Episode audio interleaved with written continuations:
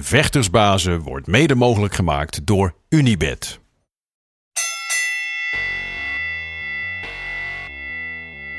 Are you ready for Vectorsbazen?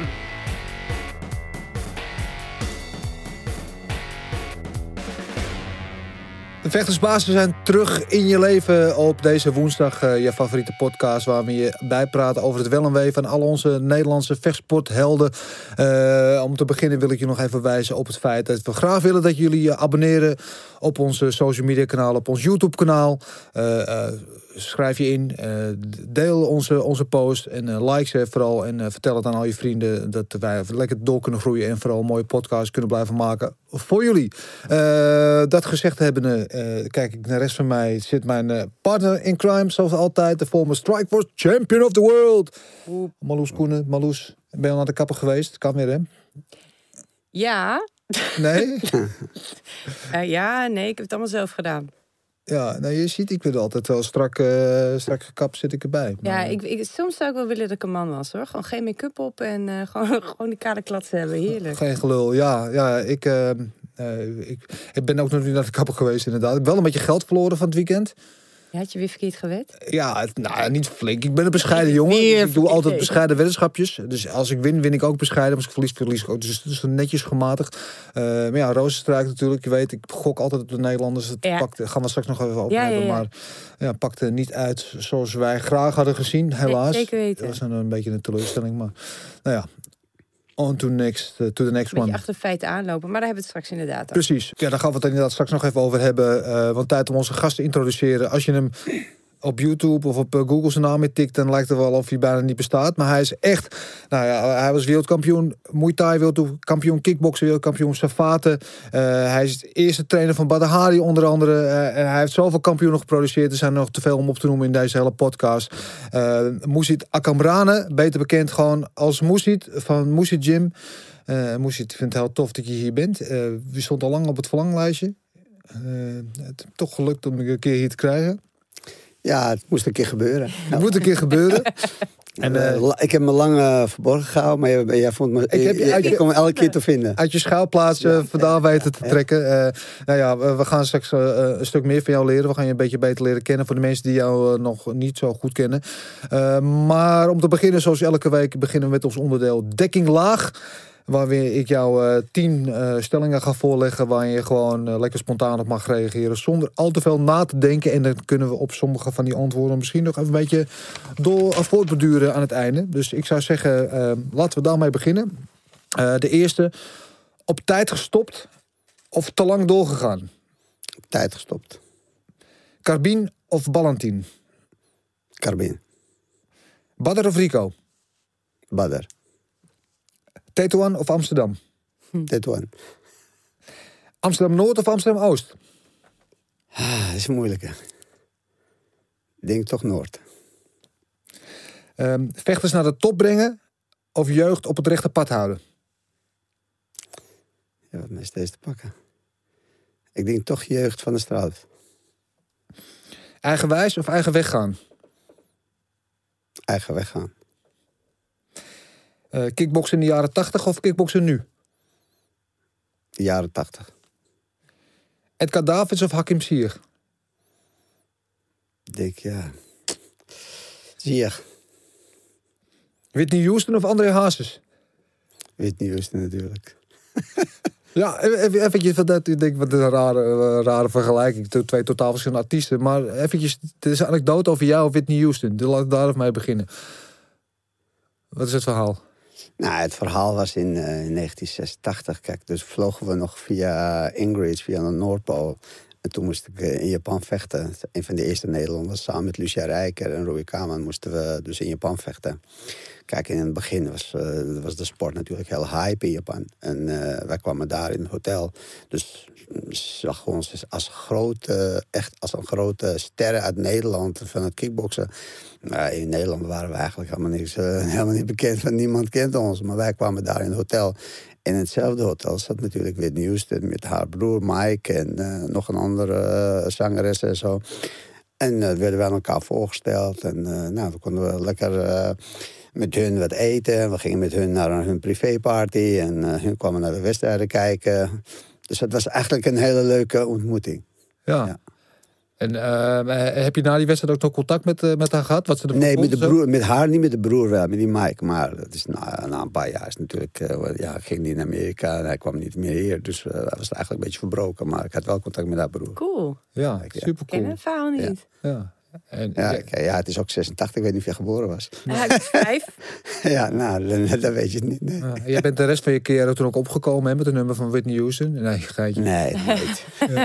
Eh, wat, was, wat was het voor een tijd überhaupt om, om, om te vechten en, en de wereld rond te gaan? Het was, het was een hele leuke tijd. Kijk, het was, het was nog. ehm, kijk, in, in Japan was, is, is, is sport natuurlijk al, altijd al heel groot geweest. En, maar in die tijd was het nog, nog groter voor de mensen. Omdat, eh, kijk, wij uit Nederland, een klein landje, daar komen dus vechters er vandaan. En eh, ja, ze zien ze als grote vechters. En wij wonnen ook alles bijna toen de tijd. Robbie won bijna alles, Lucia won bijna alles, ik won bijna alles. Weet je, dus we kwamen daar, we wonnen ook alles daar. Weet je, dus het was, ja, we zag ons als een grote sterren. Maar in Nederland was je natuurlijk helemaal niks. Dus niemand kende jou. En eh ja, interesseerde helemaal niemand jou wie je was. Maar in Japan was je natuurlijk eh, heel wat. Dus als je daar binnenkwam en volgende dag stond, stond er een, eh, eh, een blad, zo, zo, bijvoorbeeld zo'n sandokan, wat je vroeger in Nederland had. nou, dat werd daar binnen één, één dag gemaakt. Dus je komt aan, ze maken foto's. Papa, morgen zit je, zit je in, een, in een boek, zit je in een blad. Dan kun je die blad meenemen. Ik heb nog die boeken meegenomen naar Nederland toen de tijd. Ja. Dus sta je met allemaal, ja, je, begrijpt niet wat erin staat. Misschien zeggen ze, je bent een klootzak of zo, wat eronder staat. Je weet het niet, maar er staat wel je foto erin, weet je, met de vechters en bla bla bla. Dus kijk, en ja, wat Johan Vos toen eh, tegen me zei, hij zegt, ja, die Japanners weet je het nooit. Misschien zegt hij, hoi, eh, klootzak, je bent dit. Hij zegt, maar, ik weet niet wat hij zegt. Hij zegt, maar ja, hij zegt, zolang maar je geld krijgt en, eh, en je goed behandeld wordt, ja, dan moet je blij wezen. Hoe, hoe was die eerste keer voor jou? Kan je je nog herinneren dat je naar Japan ging? En dat is die in 1986, dat was de In de alle, allereerste keer dat je Ja, dat is de allereerste keer, ja, 86, 1986. Maar wat dacht je toen? Ja, Het ja. internet was er nog niet. eh, Nee, helemaal niks. daar in een compleet Ja, andere nee. wereld En uit. 30 euro over, doen om daar te zijn. Als het 30? niet, ja, als het niet langer was. Zo. Dus eh, je moest een paar keer overvliegen, want ja, je had geen rechtstreekse vluchten. En eh, ja, het is een hele, hele andere tijd. Maar ik kwam wel in een hele andere wereld natuurlijk daar terecht. Iedereen, eh, tenminste de mensen die wij daar hebben leren kennen... Ja, die waren allemaal goed voor je en je kon overal naartoe. En eh, je werd goed behandeld, eh, goed eten, goede shows. Want ze zagen je als een ster. En nu, ja, nu zie je als, weet ik veel wat, ik weet niet, nu is het een hele, andere tijd. Wat, was voor jou het meest opvallende toen je in Japan aankwam? Ja, die lichten. Dat, dat, zoveel licht had je. Het is gewoon niet normaal. Echt. eh, je bedoelt in Tokio? ja, in Tokio is De neon, ja, de ja. neonverlichting Ah, zoveel uh, licht. En, eh, en wat me ook opviel, dat je, ja, dat je gewoon eh, niet kon slapen. In, dus de eerste dagen dat je, dat je daar kwam, je kon niet slapen, man. Ik weet niet wat het was. Want het is Jetlag? gewoon een hele... Ja, buiten de jetlag, het is gewoon een hele andere tijd. eh, je, alles is nieuw voor je. Ja, eh, prikkels. Weet je, ja, heel te veel prikkels. eh, door die, ze zeggen, door die elektriciteit, zoveel elektriciteit, kun je, kun je geen slaap krijgen. Ik weet niet of het waar is, maar kijk, naarmate natuurlijk dat je meerdere keren zijn we gegaan, dan is het natuurlijk, eh, op een gegeven moment weet je het al, weet je er al. Maar de eerste keer was het echt, eh, ik heb ook de eerste keer, heb ik ook die hele reis, heb ik ook niet geslapen in die vliegtuig. Gewoon wakker gebleven. En, en niks gegeten, want ik moest ook op mijn gewicht letten. Oh, jeez. Ik was een paar kilo te zwaar, nou, dat weet jij het wel. Dus ik was een paar kilo te zwaar. Dus hele vlucht niet gegeten. Kom je daar aan, moet je nog een beetje trainen. Oh. En dan nog wachten tot de volgende dag dat er weging is. Nou, het is afschuwelijk. Hoe ging die wedstrijd dan? Ik heb wel gewonnen, maar niet zeggen hoe. Ik, ja, ik heb wel gewonnen. Maar eh, het was echt... En ik meteen tegen de kampioen van Japan. Ja, dat vergeet ik nooit meer. Ja, echt waar. Dus eh, je komt aan, is dat eh je opgehyped tegen de kampioen van Japan, bla bla bla. En, en je moet nog afvallen. En pff, het is, ik ben altijd blij dat mijn conditie altijd goed was. Ik was altijd een trainingsbezig, ik trainde altijd heel Nog veel. steeds, toch? Dus ja, nou, nu wat minder. Maar vroeger was, eh, was echt, ik trainde echt heel veel. Dus mijn conditie was altijd goed. Dus ook al, ja, train zeg maar eventjes niet. Of, oh, of je moet afvallen, maar je conditie blijft altijd wel goed. En dat was natuurlijk ook vijf rondes. Dus eh, ja, dan kon je altijd wel... eh, Kan je wat vertellen over die partij die ging? ja, moeizaam. ik moet beginnen. eh, het begon een beetje heel, heel moeizaam in het begin. Aantasten en vechten. En, maar alles het is net of je, het is net wat ik je net zei, net of je gewoon helemaal, ja, door die elektriciteit, dat je gewoon moe bent. En het komt misschien niet door de elektriciteit, maar het kan ook zo zijn dat je door niet eten, dat eh, weet je, dus dat je, dat ik je snap helemaal wat je moet bedoelt. vallen, dus je weet het wel. Maar goed, ehm, naarmate de partij eh, duurde, groeide ik in de partij. En dat gaan we weer terug naar die conditie. Want mijn conditie was goed. Nou, die Japaner die, die zakte steeds af. En ik ging steeds beter. En de laatste twee rondjes heb ik mijn partij kunnen maken. Merkte je ook verschillende stijlen? Ja en nee. Want eh, kijk, hun zaten toen natuurlijk heel veel dicht op die taaien. Dus ze vochten meer statisch. En wij eh, kwamen natuurlijk toen van het, een beetje van het safat. En van het voorcontact, dus meer bewegelijk. Dus wij hadden eigenlijk de bewegelijke eh, tijden van, van stoten, trappen, bewegen, draaien. En, en die gasten die waren een beetje thuisachtig. Dus die gingen meer statisch vechten. Voor mensen die niet, eh, niet zoveel van Safat weten, kun je daar wat een beetje over uitleggen? Ja, Safat is het, eh, dat Frans kickboksen, zeg maar, dat Frans boksen. Dat komt echt dat bij hun eh, toen de tijd in, in de Olympische, Olympische Spelen van Frankrijk. Dat was de sport van, van Frankrijk. Was het toen een demonstratiesport? Ja, nou, het was ook een, het was een demonstratiesport maar, bij de Olympische Spelen. Maar het was ook gewoon dus echt een, een wedstrijd. eh, Ja, de Ja, ja, nationale nee. Ja, van de nationale Frankrijk was sport van het, Frankrijk. ja. En het was, ja, eh, je mocht, eh, je mocht niet knieën, maar eigenlijk mocht je alles. Alleen low kicks mocht je dus niet met je scheenbeen doen. Moest je met je, je had schoentjes aan en zo'n eh, zo'n mooie, mooie pakje had je aan. Ja. Zo, een ja. Dat was afschuwelijk als je het terug ziet. Die pakje wat je had, want dat was echt zo. En een, eh, een lange pak. Weet je, en dan eh, had je een Tokio en dan zag je echt een hoppa, dingen schoot eruit. nou, het was echt, het was echt afschuwelijk. Maar, maar goed, met schoenen, dan kon je goed met die punt van die schoenen, kon je goed naar die lever trappen. Als je dat goed kon. Maar ja, wij kwamen dus uit Nederland, dus wij maakten echt de low kicks. Waar wij heel vaak gedisqualificeerd werden door die.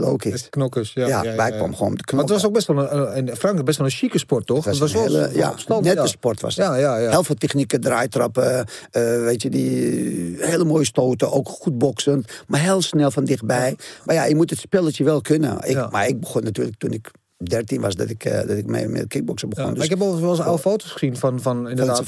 Ja. Van, en dan zie je de Nederlandse delegatie Ja. en de Franse delegatie. De Fransen zijn allemaal zeer gecoiffeerd in, Ja. in nette pakken en zo. En zitten de Nederlanders en met lange haren en in de spijkerbroek. Echt, dus, eh, eh, nou ja, schoren bij wijze van spreken, weet je wel. Echt, het contrast is zo mooi. Je ziet dat, dat Ja. die hele andere... In Frankrijk was het echt, de Safat was echt... Klopt, het was, het was helemaal niet dat Nederlanders daar zo... De eerste keer dat ik van hoorde was eh Mag Sakurai. Die deed het ook. Maar ik heb nooit geweten dat de Nederlanders daar dus ook gewoon... Ja, het was ook heel veel in Frankrijk. Wij reisden ook heel veel naar Frankrijk in de tijd. Johan Vos was de ambassadeur van, van, eh, van het Safati Nederland. Dus hij had het Safati Nederland. Dus hij trok natuurlijk zijn vechters. Wij- Ik was een van zijn vechters. Ja. Dus eh, vaak had je bijvoorbeeld in een kickboxpartij... een weekend daarna zat je in, eh, in Frankrijk voor het Safat. Of hetzelfde weekend, eh bij wijze van spreken. En kijk, dat dat betaalde niet... maar het was wel... eh, altijd picobello georganiseerd. Heel mooi, mooie feestjes na de gala, eh, mooie hotels. Alles, alles heel, heel mooi georganiseerd altijd. En deed je dat dan om in ritme te blijven? We deden het om in ritme te blijven, maar het was ook leuk. En kijk, eh Jan Vos die moest het natuurlijk wel doen vanwege zijn... eh, ja, omdat hij de ambassadeur, hij moest toch vechters leveren. Ja, ja. Ah, ja eh, lever je natuurlijk je eigen vechters, dus voor je eigen vechter was het goed. Maar op een gegeven moment eh, zeiden wij van, tenminste ik zei van... Hey, luister, het, blij- het is wel leuk en aardig, maar het moet wel betaald worden, anders Ja. ga ik niet meer. Op een gegeven moment ging ze mij wel betalen. Onder tafel werd ik wel betaald, het was niet veel, maar ja, toch wel wat. In ieder geval, je ging niet voor niks, je had altijd Ja. wel een zak geld. Dus je ging naar Frankrijk toe. Dus, eh, dus ik wil betalen, maar dan mocht ik niet doorvertellen aan anderen. Dus, eh, dus, de, dus de meeste werden niet betaald. Maar omdat ik een beetje toen dat, het systeem een beetje leuk deed... nou, werd ik, wel, werd ik wel betaald, ja. Ik weet niet of voor anderen, maar eh, ik, eh, ik Hoe, va- hoe vaak vocht je dan? Wat was het ritme, zeg maar? eh, Nou, als je Safat en kickboksen erbij optelt. Nou, we deden alles. We deden kickbox. Kijk, toen de tijd had je niet heel veel kickboxpartijen. Eén keer in de drie maanden, weet je. Dus wij deden, ik deed ook karate tussendoor. Kyokushinkai karate. Gewoon open Nederlands kampioenschappen. Hup, nieuwe pak in, witte pak, eh, zwarte band. Nooit, eh, nooit kaders. Ik weet helemaal niet wat het is. Maar we gingen vechten gewoon. ja. heerlijk. Ik stond een keer tegen een Japaner. En, en eh, een soort Japaner of weet niet. Hij er wel wel spleetoog in ieder geval. Waren ergens eh, in, eh, was in Den Haag of zo. Die grote gala. Open Nederlands kampioenschap Kyokushinkai. En toen, maar bij de Kyokushinkai moest je natuurlijk eerst die planken breken. Maar ja, wij hebben nog nooit planken gebroken. Dat tering, zeg, wat gebeurt er? Echt dikke planken. Als je die niet breekt, dan kom je er niet door. Dus wat gebeurde? Ja, ik denk tering, maar ik ging thuis oefenen, hè? oefenen, oefenen, kom daar. En die moest niet één plank, dus je moest zo, vuist en met je hoofd. Nee, en met de elleboog. je Ja, dus Dat allemaal, ja, niet. en met je elleboog voorhoofd. Oké, fijn, maar ik had veel geoefend thuis. En, eh, ja, Hoe oefen je dan? ja, gewoon een planken thuis. Ik ging gewoon oefenen thuis. Want je moet, je moet hem bijvoorbeeld hier zitten en je moet zeggen... Kastjes, de Je moet dus die, eh, die, die grond raken. Nou, we gingen. En als je het niet breekt, dan mocht je niet door. En dat was voor ons tussendoor. Ik moest samen met Ivan Hippolyt en eh, nog iemand. Ivan Sprang. Het was een toernooi. Nou, ik kom, eh, ik kom daar, ik, ik breek ze, kom doorheen. Ook met je hoofd. Ja, ook maar ik heb alles gebroken. Maar Ivan Hippolyt komt en die wil breken. En die doet, pam, ah, hand, zo dik. hij kwam er niet doorheen, dus hij ging niet door. En eh, later stond het eh, op een uh, aan. Stond, ja, Ivan Hippolyt, zo moet het niet. had Fred Roos geschreven. Ja. Ja, was niet leuk. Hij, eh, Fred Roos had het geschreven. Ivan Hippolyt, zo moet het niet. Maar hij ging door, ah, dus dat is pijn. Hij ging niet door. Maar ik zit in een toernooi, komt tegen een, een, een, zo'n Japanner of weet ik veel wat achter. Die staat mij en die gaat echt hè, eh, salto's maken en die begint te springen. daar. En ik wachtte gewoon. Op een gegeven moment was hij op de grond, gaf ik hem een low kick en toen ging hij neer. Nou, dat is makkelijk. Nou, volgende partij weer winnen. Of kwam ik tegen mijn eigen eh Ivan Sprang, Ja. kwam ik met, tegen hem in de finale. Dus hij had gewonnen, ik had gewonnen. Dus kom dus met een paar partijen, dus komen tegen elkaar in de finale. Ja, wat moet je dan doen? Dat zijn alle twee van sportschool. Ja. Ik zeg, zegt, ja, zoek het maar uit. Ik vecht en pap, pap, en winnen gewoon. Dat had ik gewonnen op punten, want hij was natuurlijk een eh, Ja. roster. Maar hoe was die wedstrijd dan? Want je ziet vaak eh, als, als twee vechters van dezelfde gym of van Ja. dezelfde team tegen elkaar gaan, kunnen twee dingen gebeuren. Of het wordt heel afwachtend, of het wordt juist de vonken vliegen vanaf, want ze, ze, ze- ze vechten op leven en dood. Nee, bij ons was het meer... We hebben een soort sparring van gemaakt. En waardoor ik sneller was. Ik Ja. maakte meer punten. In mijn hoofd had ik ook wel van... Het is wel sparren, maar ik moet wel iets meer doen. Nou, dat deed ik gewoon. Hij was wat afwachtend. Hij zat gewoon een beetje met zo, ik weet niet waar. Maar ik had, ik had gewoon gewoon op punten. Dus ik werd, ik werd gewoon kampioen in die, eh, in die ding. Maar even één ding. Hoe maak je goede kopstoot? Ja, eh, dat, is, dat is heel belangrijk. Dat, ik, ja, ik, ik, ik train nu zo'n Amerikaan, voor, die is een MMA-vechter. Maar hij wil, hij wil kopstoten oefenen, trainen. Dus eigenlijk, je moet staan, je moet die nek, dit.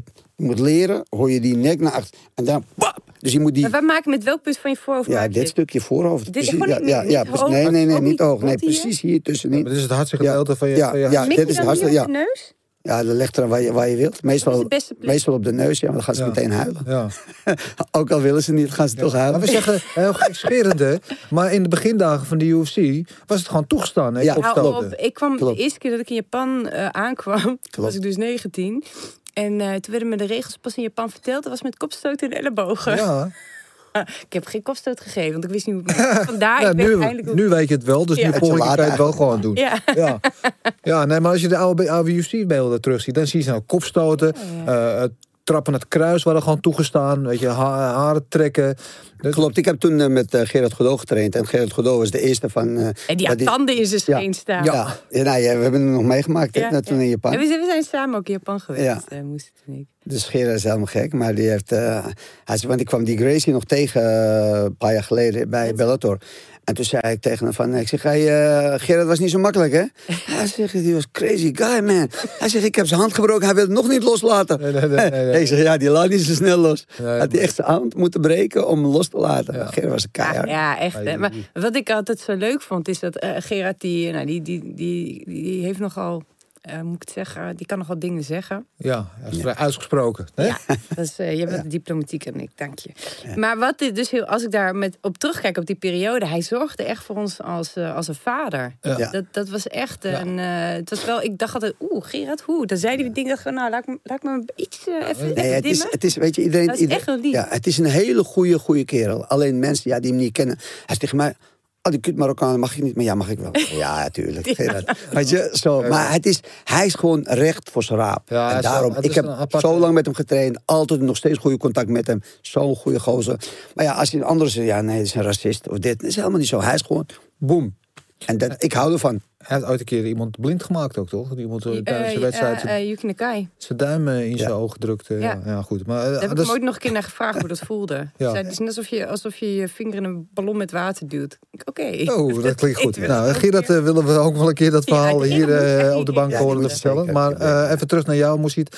Eh, je hebt natuurlijk een van, van, misschien niet de allereerste lichting, maar van de eerste lichtingen van, van Johan Vos. En, en, en nou, je noemde al net wat namen. eh Ivan Hippolyt, Ivan Sprang, Ernesto Hoos, Lucia Rijker, Peter Thijssen. Eh, om er maar een paar te noemen. Eh, ja, gouden, gouden lichting. Hoe was dat in die, in die tijd? Met, met zo'n gouden, talentvolle groep op te trekken en te trainen en te doen. Ja, het, was, het was heel top. Het was echt eh, heel leuk. Ik, kijk, ik ben allemaal een beetje eh, voor hun eh, daar binnengekomen. Met de oude lichting van het Karateka's toen de tijd. Toen kwam, ik was 13 dat ik daar binnenkwam. En ja, ik heb natuurlijk de jeugd een beetje meegemaakt. En ik heb voor die tijd heb ik natuurlijk altijd gezegd tegen ik ben wat ouder. Dus, dus zodat ik eh, makkelijker eh, wedstrijden kon krijgen. Alleen op een gegeven moment was ik, eh, had ik een partij in, ik dacht Frankrijk of België. En toen zei hij van, nou ja, je moet je paspoort halen. Toen zat ik dus vast, want dacht, shit, paspoort. Ik heb helemaal geen paspoort, ik ben nog geen 16. Weet je, dus ik, ik, vecht, ik heb gelogen. En toen zei ik, ja joh, ik moet je eerlijk vertellen man, ik ben geen 16. Ik heb ook geen paspoort, ik heb helemaal niks. Hij zegt, shit, maar ik had al zo'n partijen gevochten. Hij zegt, shit, we moeten dat doen. Oké, België kon nog. Kon, nou, toen de, dus de partij was volgens mij toch alsnog in België. Was tegen de kampioen van België, had ik toen eh, gevochten, eh, vol contact. Nou, sindsdien, eh hij zegt, ja, volgende keer moet je me wel alles eerlijk vertellen. Ik zeg, ja, natuurlijk. joh. Hoe, hoe, ben je begonnen met de vechtsport? Ik voetbalde altijd in Amsterdam-Noord, in, op een pleintje. En eigenlijk, ja, was wel leuk allemaal. Toen ging ik voetballen bij, DWV, bij DWV. Maar ik zag dat teamsport is, eh, is wel leuk, maar je werk, ik wil altijd harder werken. Ik wil altijd hard, ik wil wel altijd winnen. Ik kon niet tegen me verliezen. Dus dan ga je keihard voetballen en breng je die bal en dan geef je het aan die gozer en die verliest het. Ja. dacht ik, fuck shit, kan ik weer opnieuw beginnen? En toen werd ik boos. Dus ik weet je, dat is niks. En toen ging ik lekker op straat voetballen. En toen, zei, eh, toen kwam ik dus die Ivan Sprang tegen een keer. En hij zegt, "Tering, man, jij bent keihard op straat. Hij zegt, weet je wat, jij moet lekker gaan kickboksen. Hij zegt, ja. Ik zeg, ja, maar eh, ik kickboksen, wat, eh, ja, ik heb geen geld, man. eh, ik ga er niet kickboksen. Zeg, ja, jij moet gewoon een keertje langskomen. Maar toen de tijd was er een sportschooltje in Noord. De Bogart heette het. En die sportschool, die, die was, die, was die runde Piet Bogart en, en zijn broer. En ik ging altijd kijken. En André Brilman trainde daar. Lucian Carbin trainde daar. Ballantijn trainde daar. En ik was ja, of dertien, dus ik ging een keertje kijken zo. En eh, toen zei eh, een van hun twee, ik dacht Carbin. zei, hey, wat kom je doen? Ik zei, ja, een beetje kijken. Toen zei hij van, eh, hey, moet 2,50 betalen. 2 gulden 50. Ik zeg, wacht maar jongens, ik groot ben, pak ik jullie allebei. Weet je, zo ben ik weggelopen. En toen heb ik het altijd in mijn achterhoofd gehouden. En toen de tijd, toen ben ik bij Johan Vos gaan trainen. Toen heb ik altijd gevochten. En was al redelijk op niveau, A-klasse. En toen zeiden ze van, hé, hey, je kan tegen Ballantijn vechten. Ik zeg, ja, meteen. En eh, hij- de Ballantijn was een jaar of 28, ik was een jaar of 18, 17. En toen heb ik hem zo een pak slaag gegeven. Dat ik, toen ik klaar was, zei ik, hé, weet je nog? dat ik niet mocht kijken. En wist hij het nog? 52. Ja, en toen was dat voorbij. Toen ging ik doorvechten, doorvechten met alle partijen. En toen zeiden ze van, ja, Carabin gaat afscheidpartij. Want ik, shit, ik heb hem nog niet gehad. Toen zei ik tegen Johan van, en hij wil je tegen hem? Ik zeg, ja, graag man. Ik wil het nog voordat hij stopt. Nou, kreeg ik die partij ook. Nou, heb ik hem ook een beetje eh, aangepakt. Gelukkig hebben ze het eh, een beetje, ze hebben onbeslist van gemaakt. Dat is Eh, Dennis afscheidspartij. even doorgestuurd. Ik heb hem Ja, gisteravond was een, bekeken. was een onbesliste partij, hebben ze van gemaakt. Omdat het een afscheidpartij Was afscheid- Hij was, was er het- niet blij mee. In Krasnopolski of niet? Nee, was hij Jaap Edel. Je hebt Was Ede. Edel? Ja, Oh, ja. In het begin. Sorry, ja. Ja, en eh, ja, zodoende heb ik ze toch nog alle twee gepakt. Ja, ja mooi voor, eh, vooral voor de, voor de jongere kijkers en luisteraars onder ons. eh, wie zich afvragen wie dat nou was, uh, Moesit Akamrane. En Lucien Cabine natuurlijk ook. Die partij die staat op YouTube. We zullen hem eventjes ook op onze social media zetten. Het linkje, of in ieder geval het filmpje, dat je het ook kan zien. Het zijn historische beelden sowieso als Kepels liever. Maar dan krijg je ook een beetje een idee van nou ja, wat deze man kon. Of kan nog steeds eigenlijk. Hè? Want ik zie je nog steeds af en Ja. toe in de gym. Doen onze best. We Ja. blijven bezig. En eh, kijk, ik zeg altijd: trainer moet niet. Moet niet eh, hij moet niet onderdoen. Trainer moet wel altijd blijven trainen. Ja. Want ik vind het wel jammer, want ik zie heel veel trainers. En dan zie je van die trainers, ja, nee, ik ben trainer, ik hoef niet te trainen. Nee, maar ik vind ook dat jij een goed voorbeeld moet geven. Dus je moet wel een beetje Ja. mee kunnen doen. Je moet niet zomaar... Kijk, als jij bijvoorbeeld drie, vier jongens achter elkaar... dat je moet gaan petsen, nou, dan, dan weet je het niet. Als je, gaat trainen. of je moet, ja, ga maar op de zak. Ja, dan heeft dat geen nut natuurlijk. Dus je moet wel... Als trainer moet je jezelf wel bijhouden. Ik zie ook echt heel veel trainers die dat gewoon niet doen. Nee. Dat vind ik eigenlijk wel heel jammer. Want je hebt een sportschool, je hangt de hele dag in de sportschool. En dan zie jij eruit als een, eh, iemand die, eh, weet ik veel wat. Weet je, dus ja, dat staat niet. Maar goed, iedereen moet voor zijn eigen denken. Maar ik, ik hou er niet van. Ik hou van trainen. Ik moet ook dat spelletje leuk vinden. En daarom zal ik ook eigenlijk altijd wel blijven trainen. Of ik nou eh, bezig ben met vechters of niet. Ja. Je denk- zei ook, eh, Dennis stelde de vraag van eh kickboksen in de jaren 80 of nu. Toen ging je voor de jaren 80. Waarom? Omdat je had toen ehm, vechters die keken eh, minder naar geld. En minder naar publiciteit. Die wilden gewoon alleen maar vechten. Dat was gewoon de, de, de illusie van ik wil vechten. Eh, ik train om, ik wil vechten, ik wil wedstrijden doen. En nu is het meer van eh sociale media. eh, sta ik wil op dit? wat krijg ik? weet ik veel wat allemaal. Weet je, dus nu is het eigenlijk meer media gericht. En niet als je, je moet die jongen promoten, je moet wel. En vroeger was het gewoon meer vechten. Je, bent een knokker of niet. En als je geen knokker was, dan hield je het ook niet vol. Dan was je even, dan weet je, want het vechten was meer in de sportschool. En niet eens in de ring, want je was, had zoveel pak slagen op de sportschool.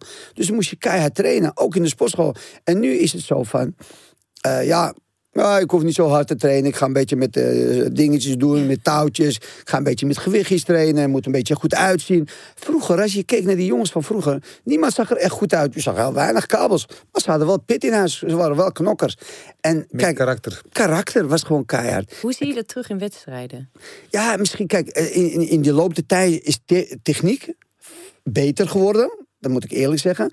Maar waarom is die techniek beter? Dat komt door ons, door die oude garde. Die hebben eh, de, de, de techniek verbeterd. Maar die hebben natuurlijk veel wedstrijden gevochten. Die hebben gekeken. Die hebben alles verbeterd. Dus die jonge jongens die nu komen, die hebben eigenlijk alles kant en klaar.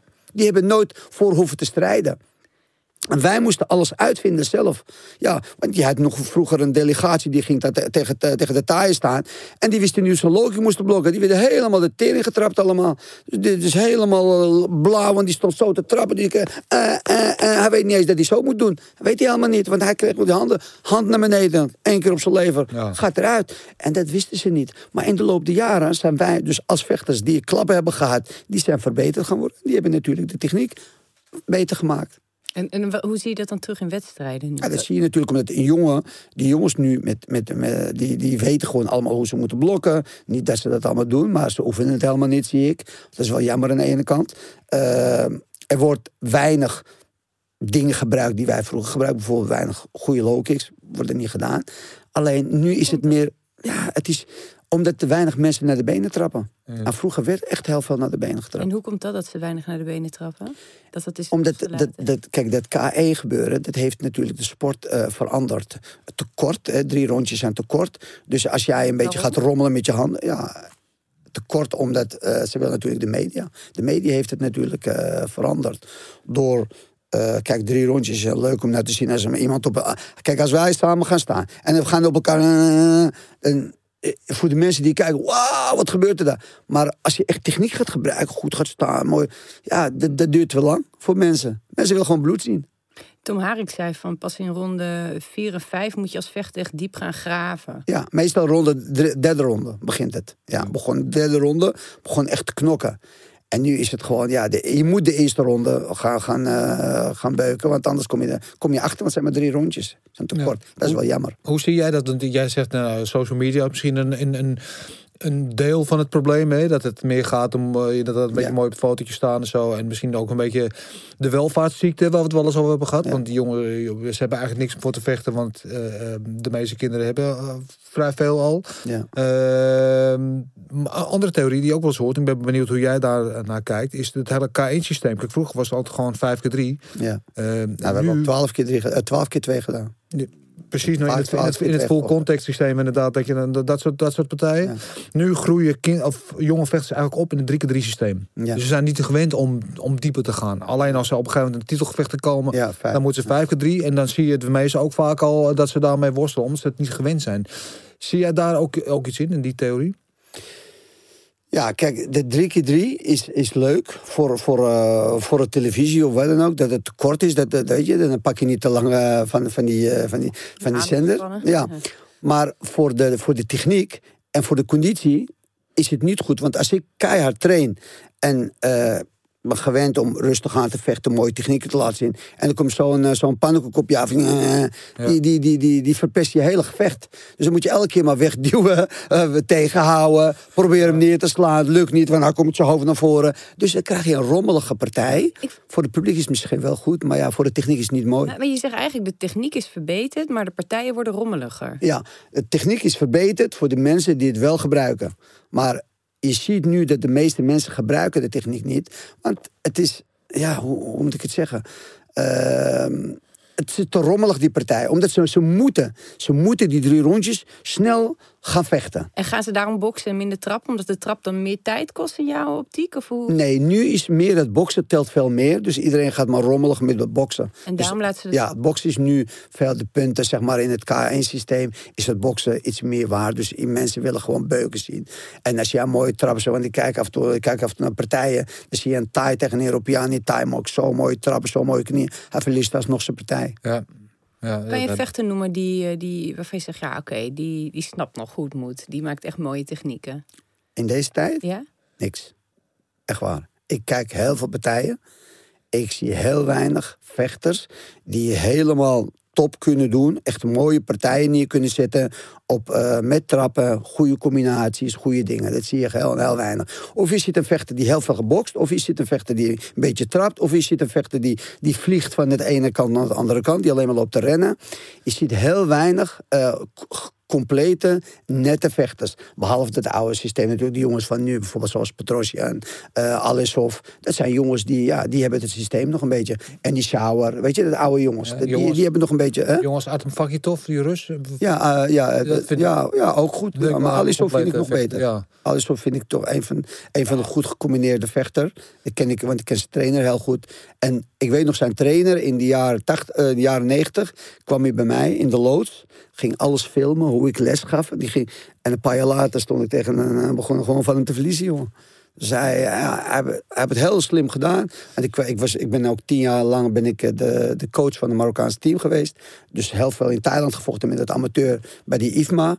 En dan kwamen we ook tegen die Russen. En dan stond bijvoorbeeld de Russen, die waren gewoon top A-klassers Ja. in, eh, in Rusland. En die kwamen gewoon voor het amateur eh, meedoen. En dus die pakten alles. Toen zei ik, oh, oké. Toen kwam ik terug. Toen ging ik al de Nederlandse vechters, Marokkaanse Nederlandse vechters, die aan de top waren, die nam ik mee. Ja. En toen eh, was ik een keer in Thailand en, en wij wonnen drie of vier goud. En toen kwam zo'n Duitser, nee, een Duitser die ging, naar, die ging mij verraaien. Die ging naar IFMA en die zei van Dus mij, deze vechters die komen uit Ik Nederland. Dat zijn Nederlandse vechters. Ehm, dat zijn, dat zijn top-aklas, dat zijn geen, eh, geen amateurs. Toen zei ik van, klopt, het zijn Nederlandse vechters, maar het zijn Marokkaanse paspoorten. Want ik had al, iedereen heeft natuurlijk zijn Marokkaanse paspoort mee moeten nemen. Dus, want waarom? Want ik kwam erachter dat die Russen dat deden, de Amerikanen deden, iedereen. Toen dacht ik, ja, ik ga er niet achter. Ik ga niet voor een lul hier eh, helemaal naar Thailand hier voor tien dagen zitten. En dan met eh, twee bronzen teruggaan. Dus ik wil ook gaan. Zo heb ik het ook gedaan. Dus ik heb toen met Sabari, Fikri, uh, Kasriwi, al die jongens kwam ik terug met, met goud terug. Nou, oké. maar zodoende terug naar die Russen. Ja, dat zijn gewoon mensen die keihard werken. Ja, en vaak ook uh, Muay uh, Ja. geschoten echt op de Maar wat ik interessant vind is dat jij, de, de, helemaal in het begin tijd, de Brazilianen die lieten echt niet in hun, eh, in hun systeem kijken. Als je BJ wilde leren, geloof me, dan kon je beter een, een, seminar van drie dagen volgen en dan vertelde je zoiets. Ja. En jij was, en de Japanners waren er heel erg open in. Die zeiden Ja. van ja, in de ring zie je toch al wat we doen. En jij liet je dus filmen. Waarom was je Ja, zo open? ik heb, het al, ik heb eigenlijk nooit wat verborgen. Ik heb, precies, eh, ik heb altijd ook, ik heb, ik heb nu nog steeds mensen die komen PT's doen, die willen altijd filmen, die willen altijd zelf een beetje te gaan. Ik, ik denk altijd, het is alleen maar goed als je, eh, ja, neem me maar over, weet je, probeer maar gewoon wat, want zo, zo versterk je alleen maar de techniek en de sport. En eh, ja, wat heb ik eraan als ik, als ik alleen maar voor mezelf hou? Weet je, ik heb liever dat, dat al die gasten die, die bij mij getraind hebben of, of trainen, dat die het ook overnemen. Dat die kunnen over. Zo maak je de, de techniek een beetje breder en groter. En dat, dat merk ik nu gewoon ook. De meeste eh, vechters die bij mij zijn geweest. Die hebben allemaal een eigen gym of ze zijn trainers ergens. Maar ik zie wel mijn technieken terugkomen. Overal in, in Nederland en omgeving. Maar en ook in Spanje, in Rusland. Al, weet je, het komt gewoon steeds terug. En dat vind ik leuk. Ja. Maak trots? Ja, het is leuk. hè, Want je, je, je, ja, je je bent blij. En, en kijk, en helemaal als ze het toegeven. Als ze nog, ja, dit heb ik voor jou. Dit heb ik, dan, dan is het alleen maar leuk. Want dan heb je toch iets verspreid. Hè, wat, je, wat, je, wat, je, wat je geleerd hebt. Legacy. En- ja, want je hebt er niks aan om voor, alleen maar voor jezelf. Wat bijvoorbeeld, kijk, die Brazilianen die doen het zo. Omdat ze natuurlijk seminars willen geven. Om geld te verdienen. Daarom beschermen ze die techniek. Toen kwam het internet en toen was het businessmodel eh, weg. Maar, maar jij, jij hebt veel meer gegeven. Je hebt ook heel veel met eh, jongeren gewerkt, toch? Heel veel. Kan je daar iets over vertellen? Eigenlijk was dat mijn, mijn, mijn basis. Ik, ben, ik, ben, ik heb nooit echt eh, sportschool willen hebben. Eh, toen ik vechter was, eh, in die tussentijd werkte ik ook in een, in een jeugd. nee, ah, ik werkte niet. Ik heb het opgezet. Samen met de kinderrechter toen. Er was een kinderrechter. Die had een. Eh, Jon Vos werkte in, in de Bijlmerbaais. En eh, ze zochten een, een trainer om iets op te bouwen. Dat noemden ze kwartaalcursus. Kwartaalcursus was een, een, een cursus van een kwartaal van drie maanden. En jongeren die vastzaten, dus die eruit moesten komen vanuit de gevangenis... eh, om een, eh, te wennen aan, aan de maatschappij voordat ze vrij kwamen. Dus niet, ik kom vrij, shit, wat moet ik doen, wat moet ik zijn? Nee, wij hadden dus toen een plan bedacht. Ik was heel jong hè, toen de tijd. Het was 19, 19 of 20. Dus ik was toen al bezig met mijn vechten. Maar in de tussentijd, ik wilde natuurlijk iets erbij doen. Ook om extra geld te verdienen natuurlijk. Maar ook om iets voor die jongeren te doen. Want ik liep heel vaak op straat. Ik zag heel veel jongens, criminaliteit, dit. En ik dacht, ja, is leuk als we iets wel kunnen doen. En Sofia Johan, die had natuurlijk een goede, eh, goede ingangen. Was, was zag de, zeg maar de autoriteiten, noem ik het nu even zeggen, die toen al de meerwaarde van martial arts voor jongeren die het verkeerde pad op zijn Ja, gegaan? ja, dus mijn, mijn doel was eigenlijk dus om iets voor dat jongens te doen. Dus die eh, kin- kinderrechter had toen een plan. We kwamen, bij elkaar, we hadden een plan gemaakt. We gaan een, een kwartaalcursus opzetten. En dat is dus die cursus. We kregen een ruimte hier in Amsterdam, eh, in Amsterdam-Oost. Was een ruimte, dus niet de loods maar een andere plek. Was een, eh, een, een mooie plek. En dan kon je, dus die jongens die kregen... eh, die voordat ze vrij kwamen, mochten ze daar komen. Drie maanden lang. Om een cursus te volgen. Mijn deel was sport. En ook een beetje vechtsport, een beetje fitnessen gaf ik. En een ander die gaf Nederlandse les, de ander gaf dat. Dus ze moesten, eh, ze moesten een verblijfplek hebben. En ze moesten dus in die tussentijd eh, gewoon wennen aan de maatschappij. Maar deden ze het niet goed. Maar ze moesten als een soort cursus hè, van drie maanden. En ging, wacht even, maar ze hadden een verblijfplek. Dus ze kwamen niet vanuit de gevangenis daar naartoe weer Nee, ze kwam van, nee, nee, vanuit de elkaar- gevangenis moesten ze een, een verblijfplek vinden. Bijvoorbeeld, jij hebt een, eh, jij hebt een neef die vast zit. Ja. Nou, jouw neef komt bij jou, jij bent verantwoordelijk. Maar hij kwam dus bij ons die cursus volgen. Maar deed hij het niet goed in die cursus, kreeg je eerst de gele kaart, tweede gele kaart, derde ge- eh, is rood, dan moet hij terug naar de gevangenis. Dus hij moest zich goed gedragen in die drie maanden. Haalt hij het einde van die drie maanden, dan was hij vrije vogel. Haalt hij niet, moet hij terug. Nou, zo deden we het. Dus ik was de sportkant. Maar ik was eigenlijk dicht bij de jongens, want de, de leeftijdscategorie was tussen 12 en 18. En ik was Ja, 19, 20, zo'n beetje. En eh, ja, ik, ja, je moet toch natuurlijk, je moet toch goed met hun zijn, maar je moet ook een soort leider zijn, je moet Ja. een trainer zijn. En het was eigenlijk niet altijd even, eh, even makkelijk. Maar ik, ik, ik kon me goed onderscheiden. En eh, wat Een mijn. bepaalde status. Ja. Dus ook als, als Ik had de kampioen. Ja. ik was kampioen. En ik ging ook met ze altijd een beetje, een beetje matten, weet je. Tussendoor een beetje klappen geven. Dat ze dachten, eh, zo met, shit, met hem moeten we niet... eh, hè? Dus, maar toen was er een keertje, er was een gozer bij. Die, was, die jongen was 18, maar hij was 2 meter. En zulke armen, heel sterk. Echt waar. Toen dacht ik, tering, wat krijg ik nou? En dat jongen was echt 18, was een rode gozer. ook. Weet ik nog, nog wat echt als de dag van gisteren. Toen dacht ik, ik kan een kopstoot geven. En hij komt, nee, maar je komt niet bij. Hij is een grote gozer. Dus komt bij, bij. Ik denk, als ik hem niet pak, dan is mijn les gewoon vertuffeld. En ik moest drie keer in de week lesgeven daar. En, en daarna ook nog verslagen maken, et cetera. En ik had geen opleiding, helemaal niks. Hè. Allemaal eh, kopje, kopje gebruiken. Dus ik dacht, ik moet iets verzinnen om, om met deze jongen, om, om die, die groep. Want je weet hoe het gaat. Je moet de sterkste aankunnen of de sterkste in je hand hebben, anders ben je. Apenrot. Ja, dus ik zeg, hey, nee, hij zegt, hey, moet je gaan sparren. Ik zeg, ja, is goed. Tering. Dus eh, nou, handschoenen aan. Ja, je kan niet zeggen nee, want dan ben je lul. Ja. Dan, dan, dan loopt iedereen over je heen. Dus ik zeg, is goed. Maar hij ging zo voor me doen. Weet je, oh, sla dan. Hij was echt sterk, hè? Ja. Ik tik een beetje, tik het heel rustig tikken. Hij zegt, is dat alles wat je kan? En op een gegeven moment draaide ik me om en ik ben echt een leventje. Pop, en hij zakte in elkaar. Ah. Ik zeg, hey, kom op man, maar dat is gewoon een tikkie man. Hij, eh, ik zeg, sta nou op man. Dus ik tik hem, dan geef hem nog een. Boep. En eentje voorboven. Bop. Nou, hij bleef liggen. Maar gelukkig niemand mocht het zien natuurlijk. Het was... En sindsdien, drie maanden lang, ik hoefde niks meer te doen. Hij was de leider. Hey, hey. Moest hij zeggen, je moet dat doen. Moet je doen. Hij- Iedereen was bang voor hem. En hij deed alles. En ik hoefde niks hij te doen. Ik kon gewoon lekker eventjes eh, een kantoor zetten. En hij regelde die groepen gewoon. Iedereen was bang voor hem. Drie maanden lang had ik echt geen last met niemand. Ja. En zodoende heb ik eigenlijk dat afgerond. Heb ik eh, een paar jaar gedaan.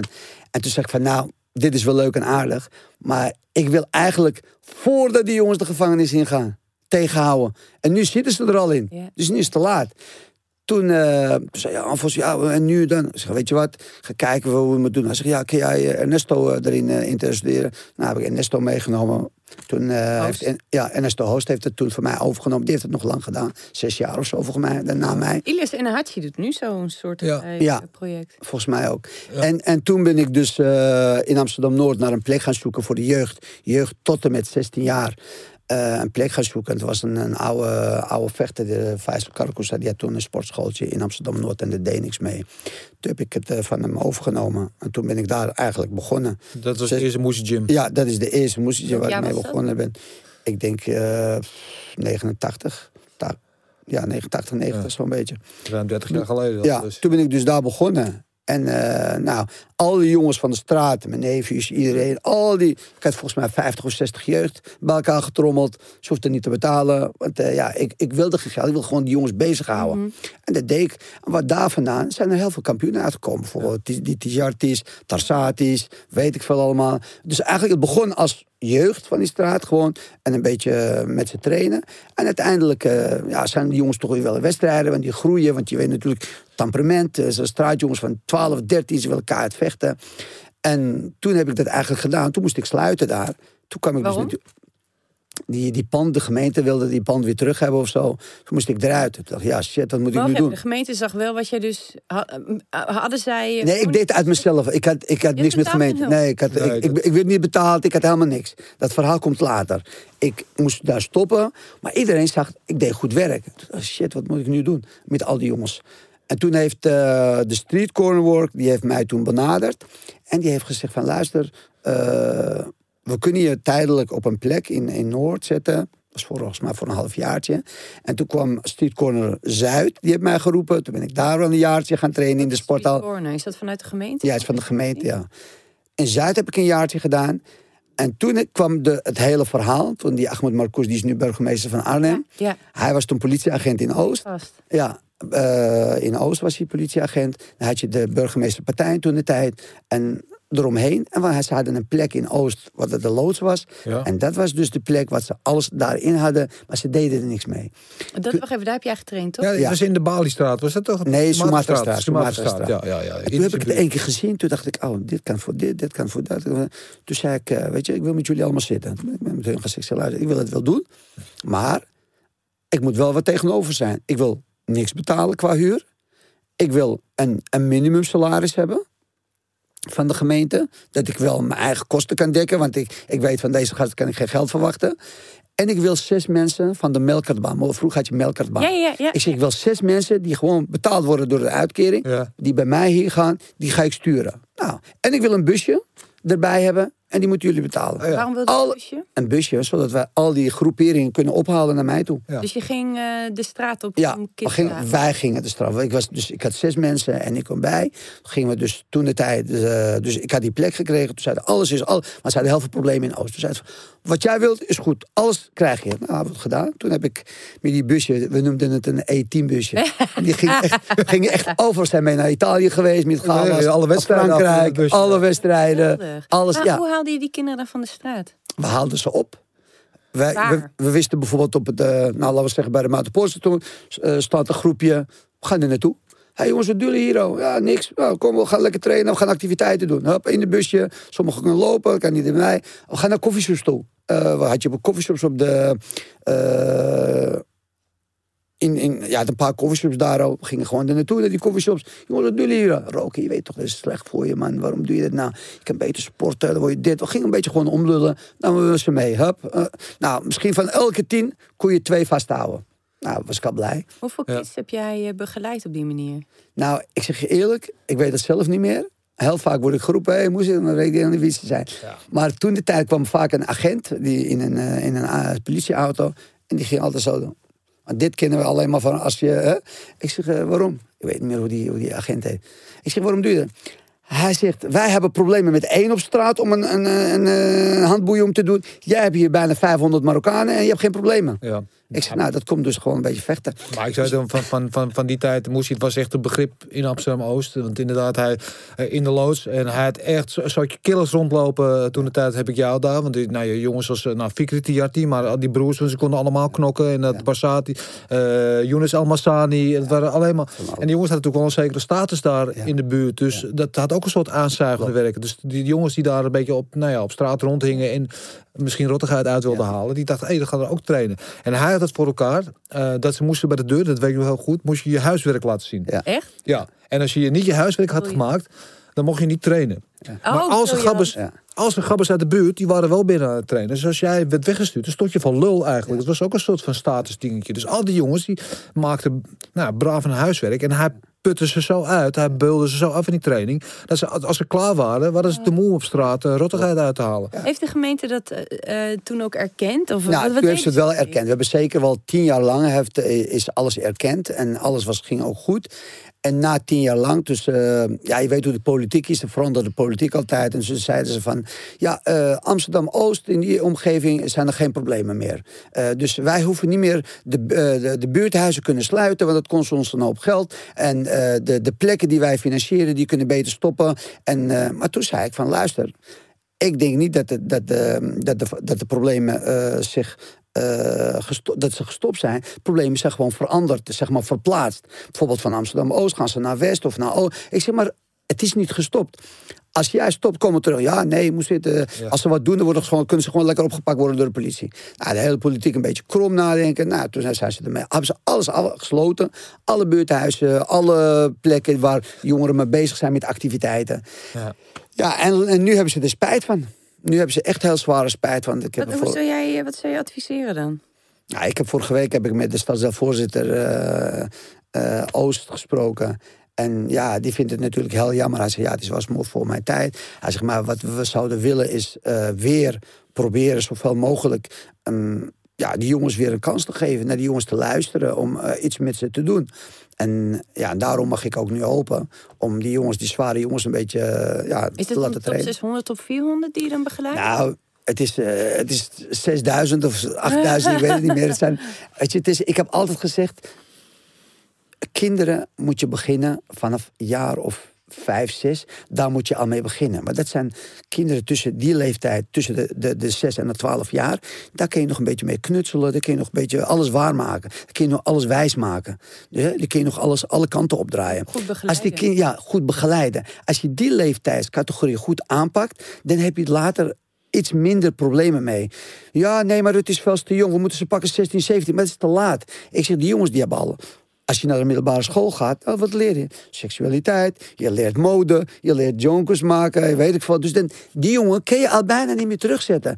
Die jongens moet je pakken voor hun twaalfde jaar. Ja. Waar, waar, eh, waar komen die problemen vandaan? Heb je daar ook een visie op? Ja, ja, ja, heel vaak zijn gescheiden ouders. Ehm, ouders die te oud zijn, die met die kinderen niet, eh, die, ja, geen grip hebben op die kinderen. Eh, en, en kinderen die, zeg maar, veel kinderen in één kleine, kleine gezinswoningen. Dat ze ja, geen eigen kamer, geen eigen tv, helemaal niks. Die moet dan maar de straat op gaan. Eh, sommige ouders zeggen, ga maar de straat op, want die willen juist dat ze de straat op gaan, want ze hebben hoofdpijn thuis. Ik heb vroeger zoveel eh, gesprekken gevoerd met ouders. eh, kinderen die misbruikt werden thuis door stiefouders, stief, weet ik veel. Weet je, er zijn zoveel dingen die gebeurd zijn. En eh, vroeger eh, zat ik ook heel vaak in de studio's over het jongerenwerk. Ik ben de laatste jaren gelukkig helemaal mee gestopt. Dus eigenlijk eh, komt het nu pas weer terug na zoveel jaren. Maar er zijn heel veel problemen waar de mensen niet zien. Dus eigenlijk heeft het met heel veel dingen te maken. Het is niet Wat, één. wat, wat doet jou dan, nou, als je dan zo'n Wilders hebt die het heeft over minder, minder Marokkanen. En, en, en jij weet dat dit soort probleem, een problematiek spelen. Wat doet het dan met jou als mens? Ja, kijk, Wilders doet me helemaal niks. Want eh, kijk, ik zeg altijd, als, je, als, je, als iemand iets zegt en je gaat, eh, je gaat meteen eh, over hem praten of je wordt boos, dan, dan maak je eigenlijk belachelijk. En dan maak je hem eigenlijk alleen maar populairder. Dus ik vind zo iemand vind ik helemaal niet interessant. Want dan zeg ik van, nou, die man heeft geen hersens. Of hij heeft hersens voor iets anders. Of hij wil op de lijst hoger komen. Dus niet praten is, is, is, veel beter. Hoewel me niks zeggen, gewoon dan kom je nergens terecht. Dus, maar je moet wel praten met de mensen die, die wel het, het probleem erkennen. Daar, daar moet je wel mee eh, praten om, om te kijken of wat je kan doen. Kijk, ik zeg altijd één hand klopt niet, twee wel. Dus wat je moet doen, je moet met meer mensen, moet je samen eh, het werk doen. De organisaties moeten samen gaan werken. Eh, weet je, het is, het is ook al vaak, dat zie je ook in die subsidies, eh, het jongerenwerk. Het, ik zeg altijd, ik zei laatst ook tegen die wethouder, ik zeg, het jongerenwerk begint om vijf uur. Maar wat gebeurt er nu? Het jongerenwerk van nu, de instanties die nu geld krijgen, die gaan om vijf uur naar huis. Die werken van negen tot vijf en dan sluiten ze kantoor en dan gaan ze. Ik zeg, het jongerenwerk begint om vijf uur. Die jongeren, die gaan pas om drie uur opstaan. En die gaan een beetje eten, wassen. Dus om vijf uur zijn ze buiten. Vanuit die tijd, daar moet je gaan, die jongeren gaan begeleiden. Je moet plekken hebben waar die jongeren naartoe terecht kan kunnen, sturen, waar ze terecht kunnen. kunnen houden. Ik zeg, er is niks nu. Ik zeg, en dan vind je het gek. Ik zeg, en met die jongens, moet die jongeren moet je luisteren. Je moet hun het werk laten doen. Jij moet niet het werk voor hun doen. Als een jongen een uitkering nodig heeft, dan moet hij het aanvragen. Jij moet hem alleen maar begeleiden. Jij moet niet voor hem gaan aanvragen. En wat doen de mensen nu? Nee, hun gaan zelf voor die jongens aanvragen. Dus die jongen hoeft helemaal niks. Ik zeg, nee, je moet jongeren, eigen, wat ik altijd deed, is eh, het jongeren zelf de kans geven De verantwoordelijkheid geven ja, de verantwoordelijkheid geven en naar school sturen. En hun laten werken met die andere jongeren. Want hun weten hoe het gaat. Hun moeten die jongeren begeleiden. Ik heb heel veel jongens van mij en van die tijd. Die heb ik naar school gestuurd. Die hebben hun diploma's gehad. En die doen dan allemaal het jongerenwerk zelf een beetje in eigen. Zoals ETA, ASUO, weet ik veel, ESA. Noem maar op, zijn een stuk of vier, vijf.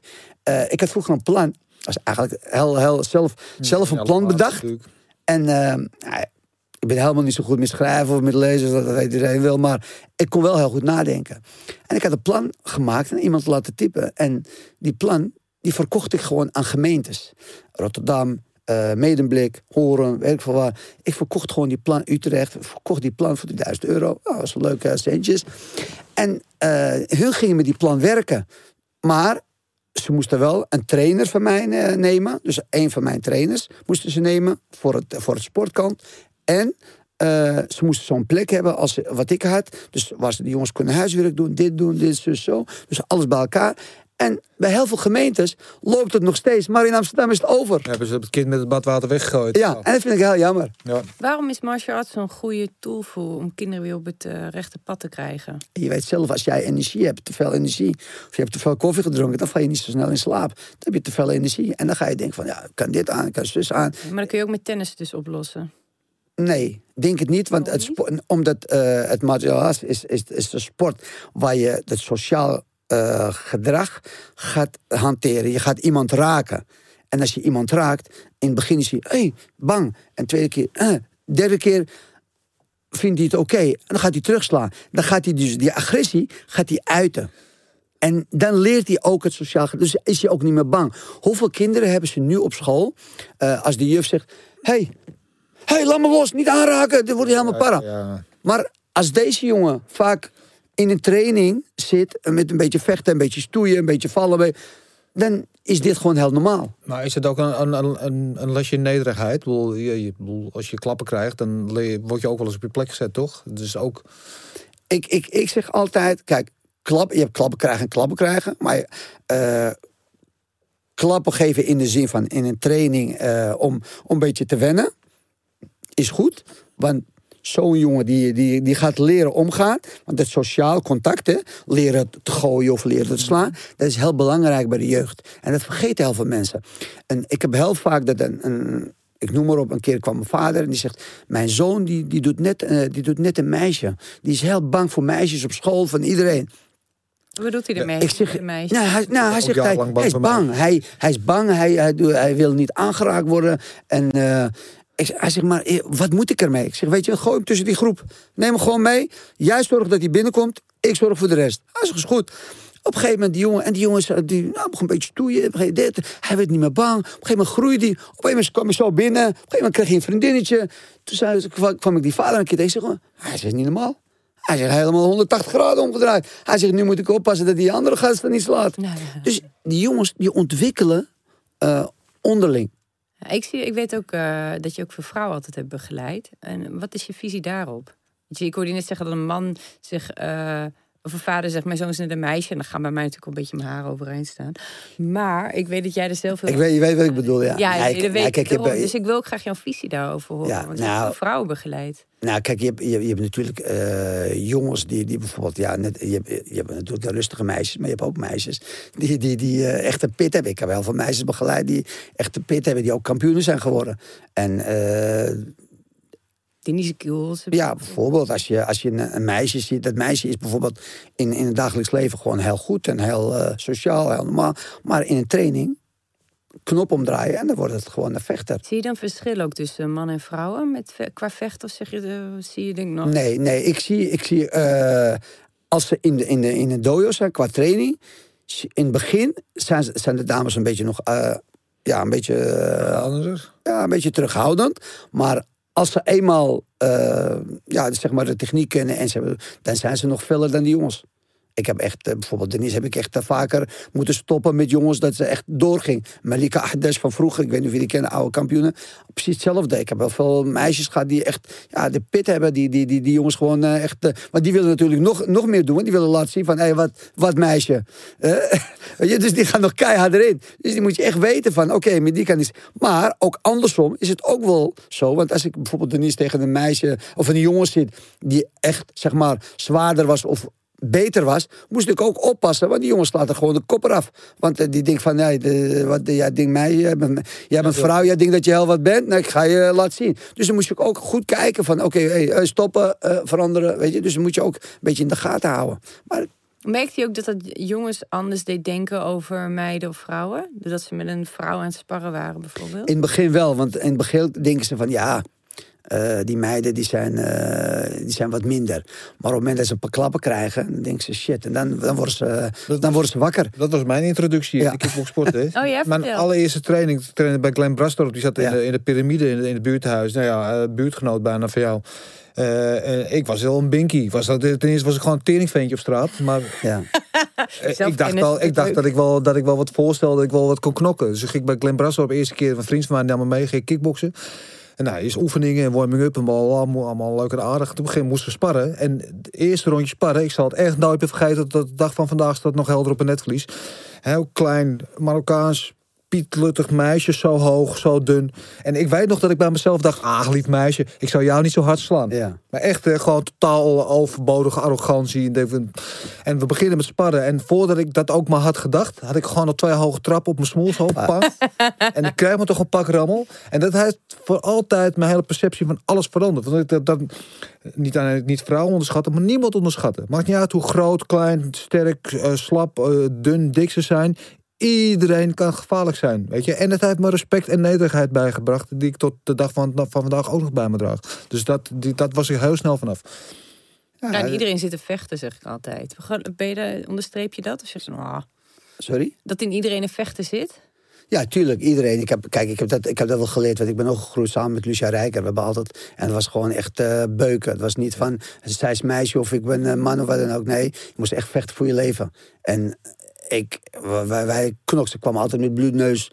eh, neus, ogen dicht. Altijd was gewoon echt beuken in die tijd. Dus ik, vanaf die tijd heb ik gewoon altijd gezegd van... er is eigenlijk geen verschil tussen een man en een vrouw. Alleen, ja, natuurlijk in gewicht, talenten, eh, daar moet je voor oppassen. Maar dat heb je andersom ook. En Lucia beukt ook gewoon iedereen neer daar. al. Dus wat dat betreft... Ja. Weet je, Ja, maar, je, hebt, ja, ja, maar je hebt soms van die mensen zeggen... Ja, ik ben pacifist, eh, vechten. Maar ik heb, ik heb het idee dat iedereen... of je nou man, vrouw, whatever bent... volgens mij zit er in iedereen een vechter. Alleen ligt het bij de een wat dichter Ja. bij de oppervlakte... dan bij de ander. Hoe zien jullie dat? Iedereen vecht, iedereen vecht toch op zijn manier in het leven. Of het nou in de ring of in de dojo is. Of eh, tegen, ik denk dat is tegen de belasting. Of, eh, Ja, Ja, maar ik denk als, als trainer, ehm, dat is een trainingsmethode om het, om het te kunnen eh, ondervinden. Om te kunnen uithalen of niet. Kijk, in de loop der jaren, als trainer heb je natuurlijk wel heel veel zien. Oké, die, dat, die, daar, kan je, daar kan je wel wat uithalen. Die wat minder, die is meer praten, die is meer dat. Weet je, op een gegeven moment heb je het een beetje door. Dus, en dan kan je ook, eh, ik bedoel, toen Denise bij mij kwam, was ook, eh, ja, dacht van, nou, daar zit wel een, een killer instinct. Daar kan je wel wat uithalen. En Ja, en alleen je moet het natuurlijk zien of het, of het blijvend is. Vaak hebben ze van echt zin en dan gaan ze jaar in en daarna zien ze dingen. Maar zij ging natuurlijk echt door en dat was wel goed. Dus daar zag je van, nou, daar kan ik wel wat uithalen. En dat hebben we ook echt uitgehaald. Wat, ze de maximum heeft ze ook uitgehaald. Echt alles gewonnen. Uh, ik, ik, ik, neem aan 53 of 52 partijen, wat ik uit mijn hoofd heb, hebben ze alles gewonnen. En uh, daar kan je, maar je hebt natuurlijk ook andere dames, die worden heel snel uh, door jongens natuurlijk een beetje meegenomen. Ja, nee, ik, ik was van jongens daar, moet niet meer gaan. En dan ben je eigenlijk twee, drie jaar of vier jaar bezig voor niks. Dus uh, denk het, het zit er wel in, maar je kan er niet uithalen, omdat. Ik denk je ook dat. Um... Uh, betreft vechten, eigenlijk de weg, hè, de, de tijd die je in de ja. tijd aflegt, dat het zwaarste aan vechten is en niet zozeer de klap op je kop. Dat je op dat pad kan blijven. Ik denk dat de, ehm, het volhouden, de discipline om het vol te houden. Dat is, heel, dat is heel belangrijk. En dat is heel moeilijk bij veel. Iedereen, kijk, je moet ook, dit moet je ook doen. Je moet iets doen omdat je het leuk vindt. Je moet het niet voor een ander doen. Je moet het niet voor het geld doen. Je moet het echt, kijk, alles is meegenomen wat er, wat er achteraf komt. Maar je moet het echt doen omdat je het leuk vindt. En dan moet je ook, uh, ook iets in je hebben van: ik wil niet verliezen. Ik wil alles geven. Want ik weet nog van mezelf dat ik toen op school zat. En ik ging, voordat ik naar school om acht uur begon, ging ik om zes uur hardlopen. Nee, ik ging eerst krantenwijk lopen klaar met krantenwijk, hardlopen, daarna naar school, van school in de pauze, jongens gaan in de pauze. Ik ga petstraining doen bij uh, meester van de hemel. Uh, Peter van de Hemel is nu overleden, oude man. Die ging voor mij speciaal tussen 12 en 1 had ik pauze, moest ik komen om trapkussens te doen. Weet je, dus je moet het willen. En daarna in de middag nog zaktraining, in de avond sparren. Dus je was de hele dag bezig. Want je vond het zo leuk. Ja, je kon niet stoppen. Ging vanzelf. Ging vanzelf. Ja. En daarna, als trainer, toen ik trainer werd, precies hetzelfde. Ik wilde ook dat die jongens dat. Maar alleen die kon, niet iedereen kon dat. Weet je, maar heel, heel weinig die dat vol konden houden. Ja, even wel misschien een beetje gebrekkig tijdmanagement. Ik hoor je net zeggen, je gaat eerst mijn krantenwijk doen, hardlopen. Je had ook gewoon hardlopen, die kranten kunnen, die brievenbus kunnen gooien. had je me even maar, kunnen zeggen. Ja. Nee, ik kan niet, want je hebt, je hebt, je hebt natuurlijk je hebt, je hebt een hele grote zak. Die pas je niet op je rug. zeg, uh, je bent nu uh, recentelijk gestopt. Niet als trainer, maar wel met de wedstrijdjongens. Wil ik het zo meteen nog even over hebben. Uh, en ik wil het ook nog even hebben over uh, een bekende kickboxer die bij jou is begonnen, namelijk Badahari. Gaan we het ook zo over hebben, maar we gaan eerst naar de tijdmachine. What we're gonna do right here is go back, way back, back I'll be back. Zoals jullie weten, de tijdmachine. Uh, elke week geven we onze gast de kans om terug te gaan naar een bepaalde tijd in zijn leven. Kan zijn een moment waar zegt van nou, dat was echt zo tof, dat wil ik nog een keer meemaken. Kan ook zijn van nou, dat, dat heb ik echt verknald, dat wil ik graag nog een keer opnieuw doen. Uh, dus ik zeg het, dan moesten we stappen in de tijdmachine en we stappen uit in welk jaar en bij welke gebeurtenis in jouw leven. Als trainer of als vechter bedoel Mag je zelf helemaal niet invullen? Nou, ik denk... Eerst wat omhoog komt. Trainer. Ik, uh, ik, ik, ik, heb één, één ding meegemaakt. Dat, vond ik, dat, dat is altijd bij me gebleven als trainer. Ik was uh, trainer in, Nederland en, en ik werd gebeld door een Italiaanse jongen uit Rome. En die zei tegen mij van, hoe zit, ik wil naar je toe komen om voorbereiden, voor, voorbereiden voor een wereldtitelgevecht. Ik zeg, is goed, kom maar. Die jongen kwam, maar ik ging een beetje met hem trainen, maar ik vond hem geen wereldkampioen waardig. En hij moest tegen Mustafa Haida. Mustafa Heide is best wel een goede Marokkaanse jongen uit Italië. Best wel een goede vechter. En ze zouden voor de wereldtitel vechten. Maar deze Italiaan heeft een, uh, een sportschool in Rome. Die is eigenlijk ja, best wel veel mensen. En die heeft zelf die gala georganiseerd voor wereldtitel. Maar die jongen is niet eens de helft van die Haida. Maar hij komt naar me toe, hij zegt, Moezit, ik heb gehoord, jij bent een goede trainer. Ik heb ook gehoord, ze noemen jou dokter. Do, uh, de, de vechtdokter. Dus ik geef me over aan jou en ik wil wereldkampioen worden.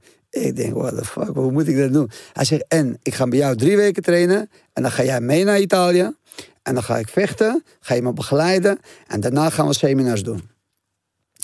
Ja, wat moet ik zeggen? Ik zeg, oh, oké, weet je, we gaan ons best doen. We gaan trainen met hem, papa. Drie weken, ja, wat ga je drie weken veranderen? Helemaal niks eigenlijk. Dus ik ga met hem naar Italië, mooi hotel, dit, dat. En uh, na de dag van de wedstrijd aangebroken op gewicht. Ik ga hem tapen. Maar ik zit nog steeds te denken, hoe moet ik dat doen? Hè?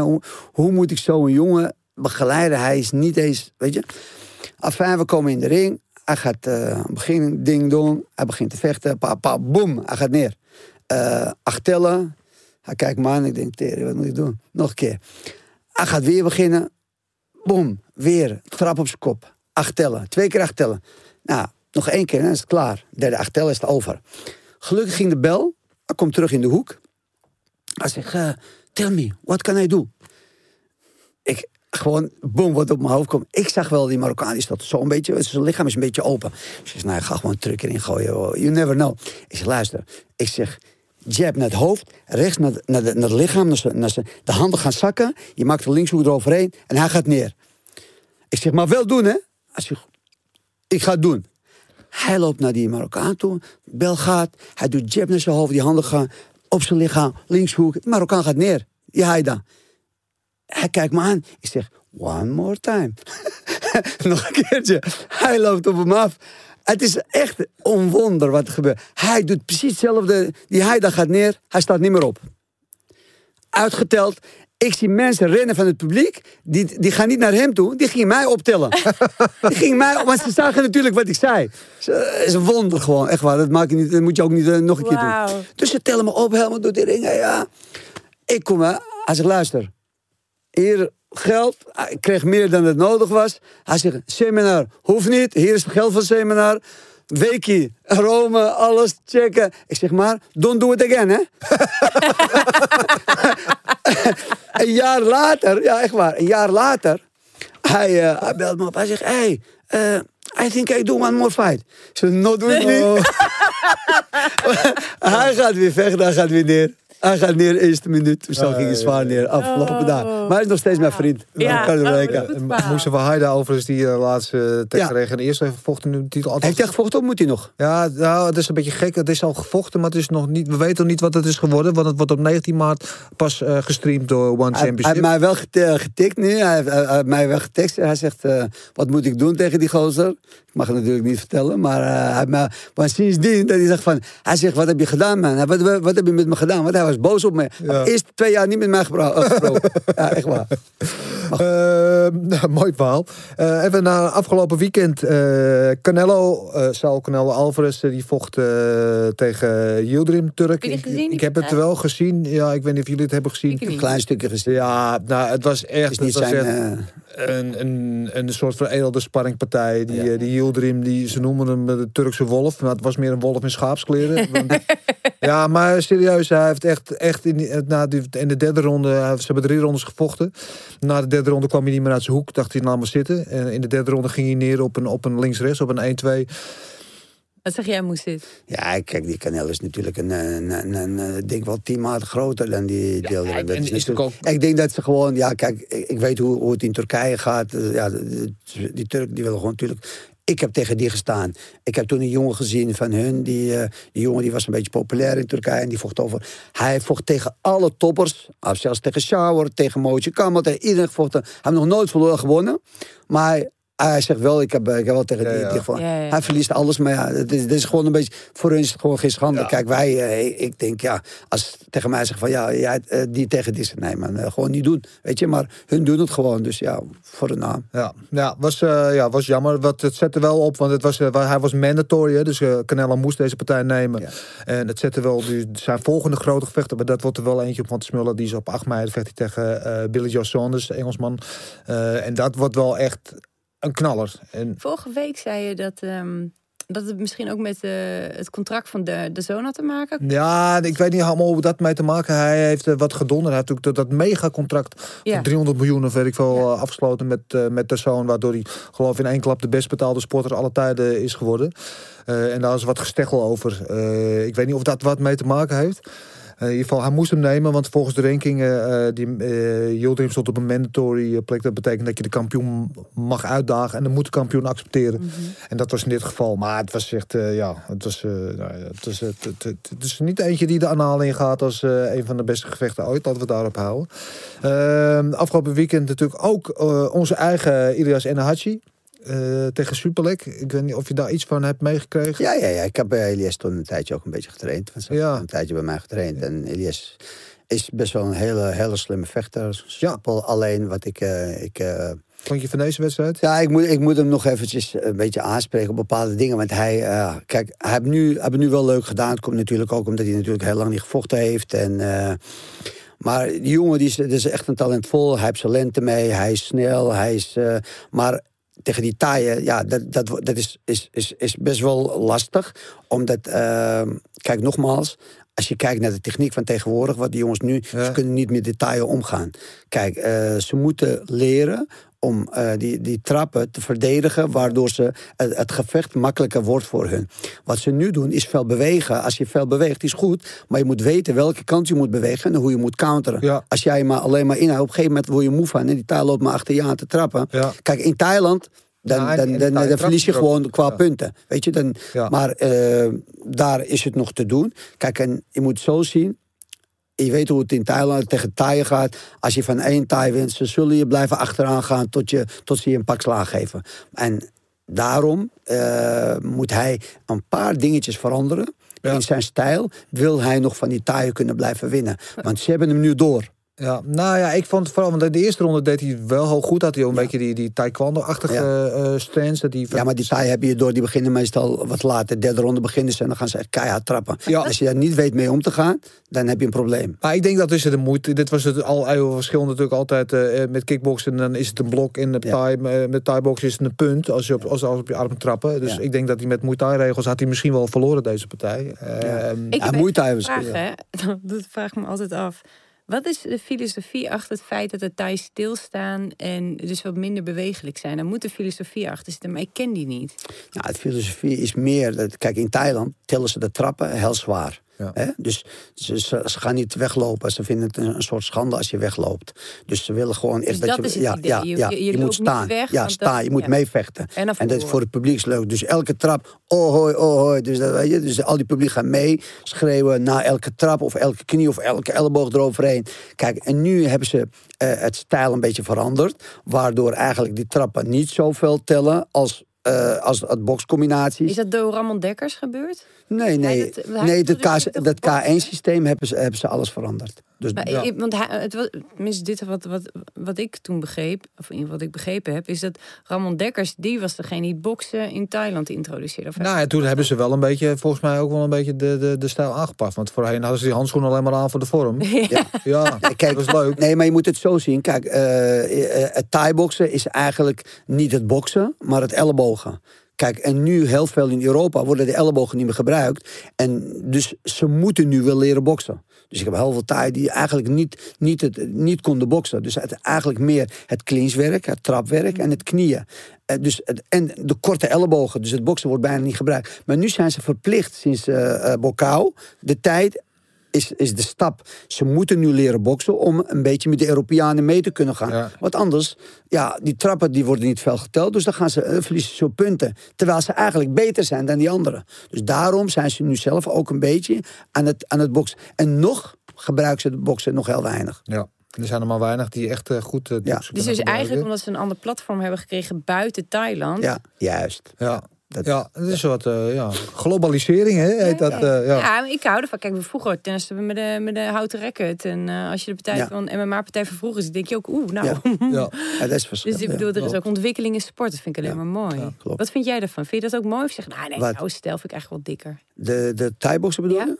Ja, ik, ik, kijk, ik vind, ik vind het nieuwe systeem vind ik wel goed. Maar eh, het moet wel gewerkt worden. En wat je nu ziet is...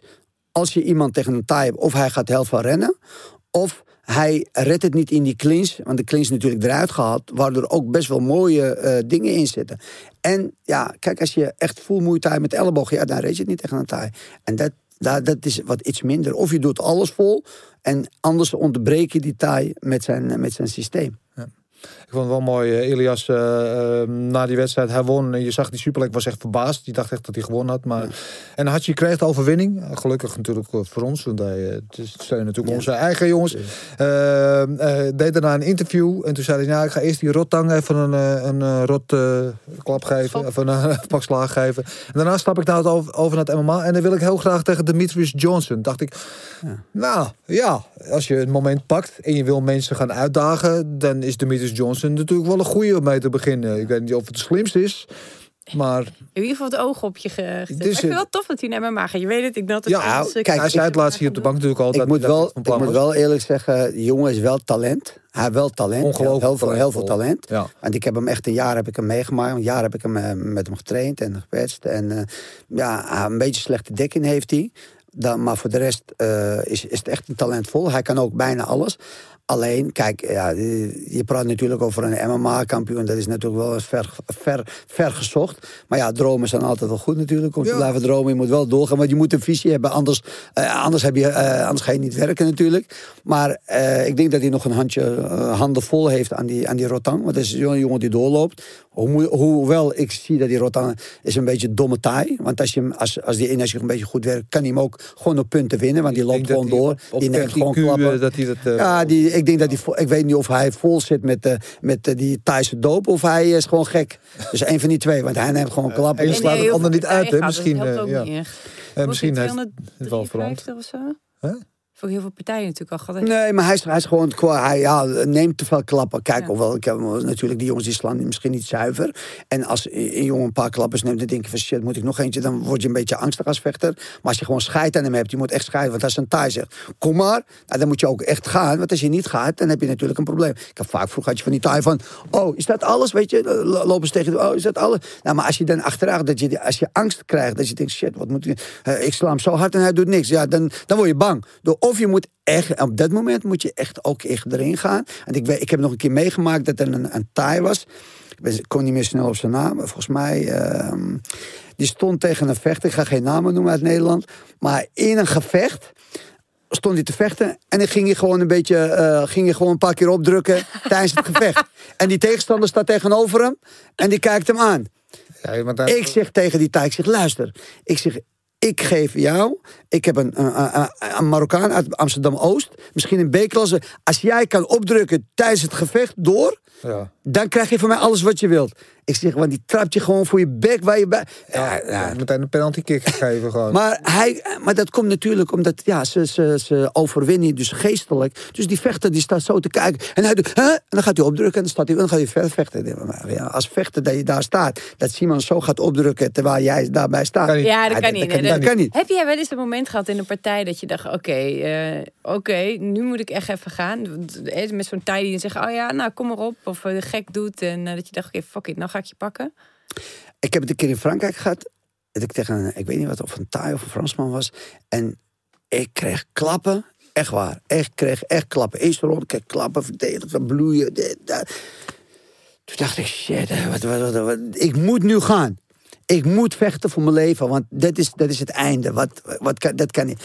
En toen ging ik knokken en ik maakte een serie, ik weet niet, serie Stoten, Hoek of zo.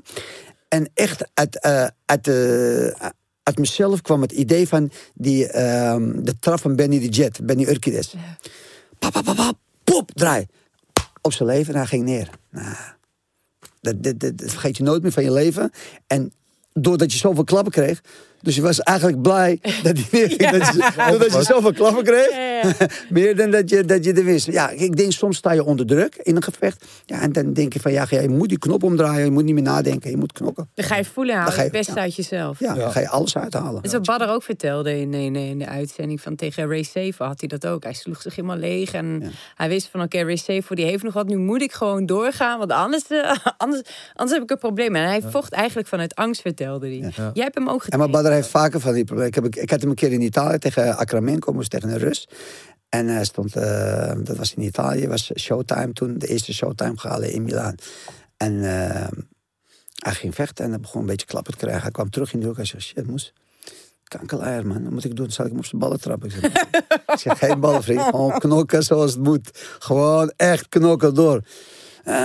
Is shit, want hij, hij had het een beetje moeilijk. Ik zeg gewoon, als je gewoon maar vecht zoals je vecht, gewoon doorknokken. Dan.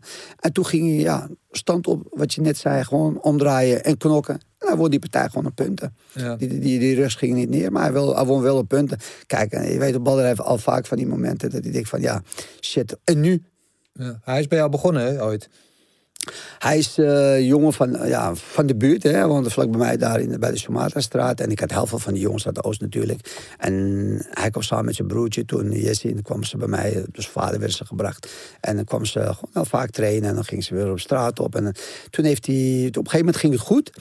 Toen deed hij ook jeugdwedstrijden. En toen een keertje had hij verloren volgens mij. En een jeugdwedstrijd, hij ging neer. En ik denk dat hij, ja, schat een jaar of twaalf was hij toen of zo, of elf. En toen heb ik hem opzij gezet. Weet je, geen vechter meer, want je bent nog jong, even rustig aan, je bent nog jong. Maar hij wilde altijd gewoon vechten. Dus toen ging hij weg. Ging een beetje zwerven. Ging toen bij Sitan Gym eventjes nog een beetje trainen. Daarna ging hij naar Tom Harenk. Heeft hij een tijdje bij Tom getraind. Ik denk een jaartje of drie bij Tom. Toen werd hij B-klasse, was hij B-klasse, beginnende A. En toen kwam hij een keertje weer terug en zei... ja, moest, eh, ik, heb goed over nagedacht. Ik ben nu wat volwassener. En, en, nu, kan, hè, ik, eh, en ga nu contract krijgen bij Simon Rus. Dus ik, kan nu wel, eh, ik wil nu wel trainen. Eh, techniek en dit. Ja, is goed, jongen, geen probleem. Ik kwam weer terug. En zo begonnen we dus te trainen. Toen eh, partijen gevochten. Hij won, eh, hij won bijna alles. En toen de laatste partij... eh, dat even, was- even, even één, één tel, want welke welke tijd hebben we nu? Want ik weet, hij maakte toen zijn, zijn echte grote doorbraak bij het publiek. Bij het grote publiek was eigenlijk eh, bij Showtime tegen Isnashov. Toen zat hij, nog, zat hij nog bij Tom. ja, toen zat hij bij Tom nog. Ja, dat is eh, 2003 of zo, 2000, zoiets rond. Volgens mij was dat de laatste. En toen kwam hij daarna naar mij. En toen is hij dan, Ja. Toen is hij naar mij toe, teruggekomen. We hebben een gesprek gevoerd. Hij, kreeg, eh, was eh, Simon, die gaf hem een contract. Hij kreeg een sponsortje en dan kon hij wel een beetje trainen. Zo kwam hij dus bij mij terecht. Hij heeft hij, eh, maar zijn we begonnen met trainen. Hij trainde ook een beetje in Alkmaar, krachttraining bij Edwin van Os. Van Os, ja. En eh, ja, we deden gewoon een beetje samen. En dat ging overal mee, ging vechten, had een goede sponsor, ging goed. Uiteindelijk, eh, toen had hij een, een, ja, de partij tegen Leco in Arena, dat Ja. hij toen verloor. Dat was, dat was nog bij mij. een leven vertrapt. Ja, hij kreeg een leventrap. Ja, natuurlijk, hij had niet echt goed getraind voor die partij, maar Dat was wel een legendarische opkomst. ja, legendarisch. Dat duurde volgens mij veel langer dan de partij. maar, eh, dus hij kwam, hij, eh, hij ging hier op die levens, eh, leventrap. En toen eh, heb ik gezegd, oké, het is nu gebeurd. Nou, moet je ervan leren. Maar wat we nu gaan doen, we gaan keihard trainen. En eh, we gaan ook trainen op die trap die hij doet. En we gaan een, een rematch vragen. Hij zegt, is goed. Gingen trainen, trainen, trainen, trainen.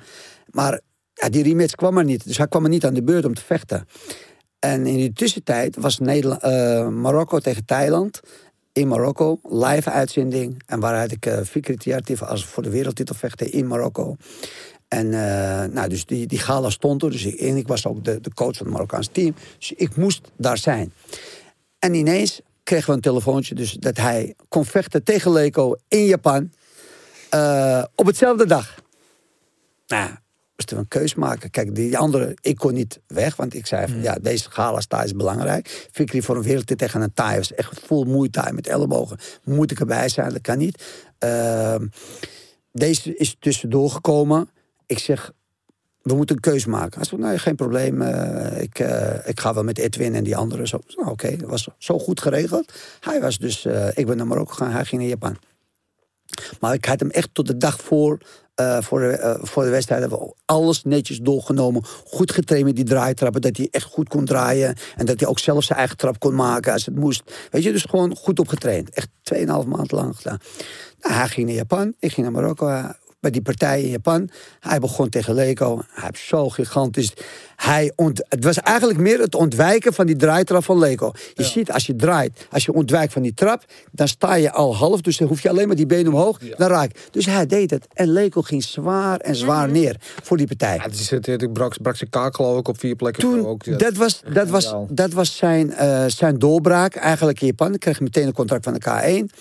En eh, nou, toen gingen natuurlijk eh, babbels van... ja, zie je, Sid heeft jou gelaten. Hij ging eh, coach voor die andere vechter. Je weet hoe het gaat in de, in, Ja. in de wereld. Van, maar kijk, maar maakt het niet uit. Dus eh, het gebeurde. Sindsdien heb ik Badr niet meer gezien. Nee. Toen eh wachten, wachten, wachten. Nee, ik hoorde niks meer. Ja, een keertje hoorde ik, ik zei tegen Simon, hey, hoe zit het nou? Badr, waar is je? Hij zegt, Badr zit bij André Manhart. Ik zei, oh, waarom hebben jullie mij niet verteld? Ja, ik weet het ook niet. Maar ja, je weet het, soms, eh, soms zeggen ze minder eh, Mhm. tegen je dan dat het moet. Nou, weet je, ik, ik had nog genoeg vechters, dus ik was eigenlijk met andere vechters bezig. Hij ging toch bij André trainen. Toen kwam een, een, een partijtje ergens in Nieuw-Zeeland, moest hij vechten. Toen vochten ze volgens mij een beetje op straat daar. oh, En ja, daarna had hij die partij verloren, een paar tanden eruit. De ja, heel veel problemen had hij gehad toen. En daarna zag je ook dat het niet was. En toen wilde hij terug naar Tom, kon niet. Nou, toen wilde hij terug bij mij.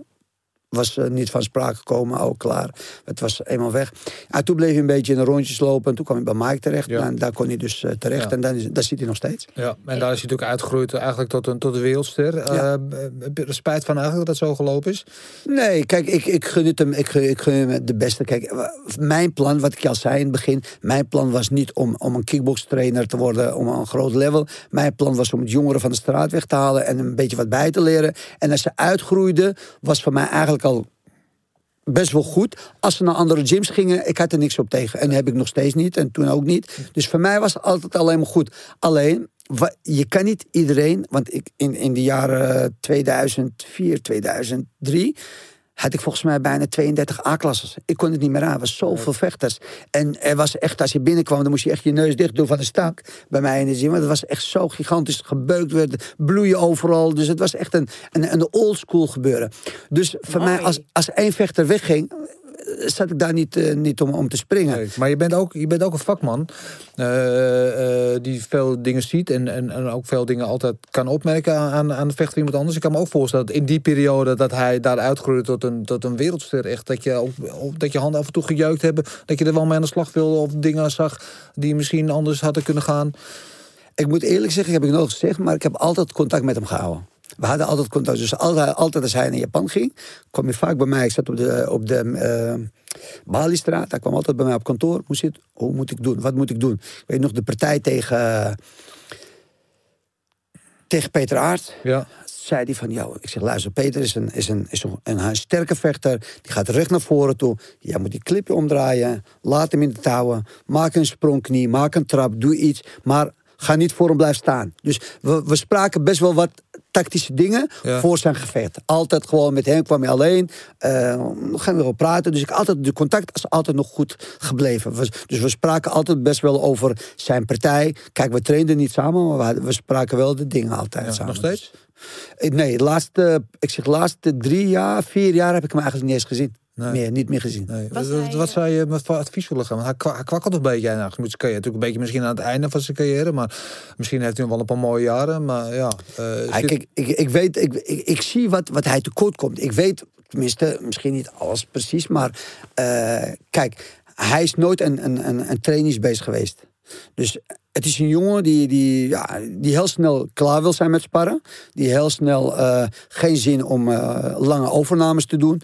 Eh, wel een beetje mooi uit willen zien.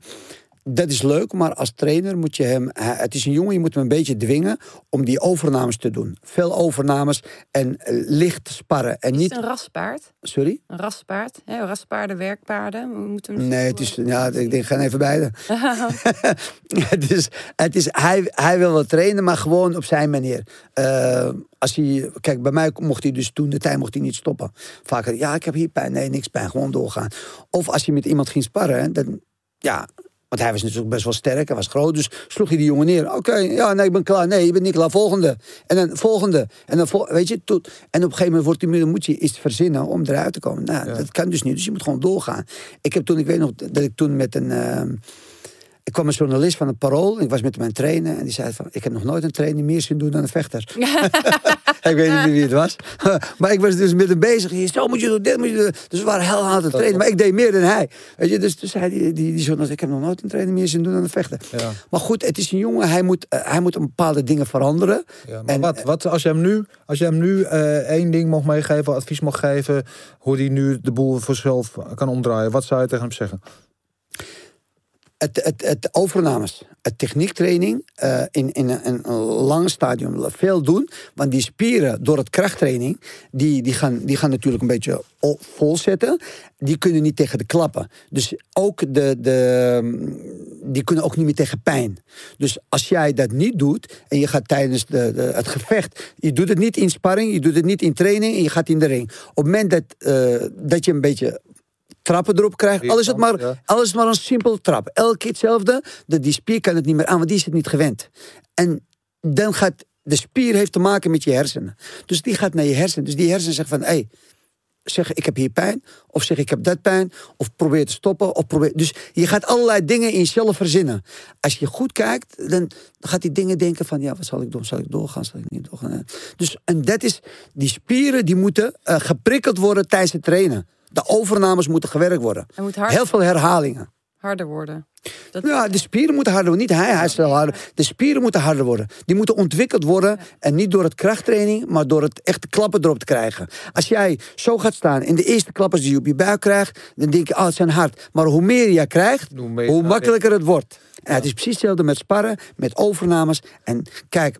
Ik weet, sparren gaat hij niet- lang volhouden, want hij houdt niet van klappen. Dus wat moet je doen? Doe de overnames. De overnames maar- zijn geen klappen. Moet hij misschien ook... eh, eh, kijk, hij was ook altijd bekend op zijn explosiviteit. Ja, toen, weet je, die, die, die one-punch knockout had hij heel erg. Ja. Naarmate de jaren verstrijken, wordt hij misschien wat minder. hè. Neemt die, die explosieve kracht, dat zag je in die laatste wedstrijd tegen Adekboei. Misschien dat hij nou, hem wel neerkrijgt, maar niet eruit krijgt. Eh, moet hij zijn stijl misschien niet aanpassen? Ja, kijk, hij is, hij is altijd een vechter natuurlijk die compleet is. Hè? Dat zag je natuurlijk. Kijk, hij is toen met, met Said een beetje gaan trainen, een paar maandjes. Nou, Said is natuurlijk ook een jongen van mij. Dus die heeft ook een beetje, een, een, beetje het systeem. Dus dat ga je combineren. Stoten, trappen. En dat zag je ook in die partij tegen Rico. Hij combineerde goed. Ja, ja, ja, toen die zeker. partij. Dat ging best wel goed, combinaties. toch.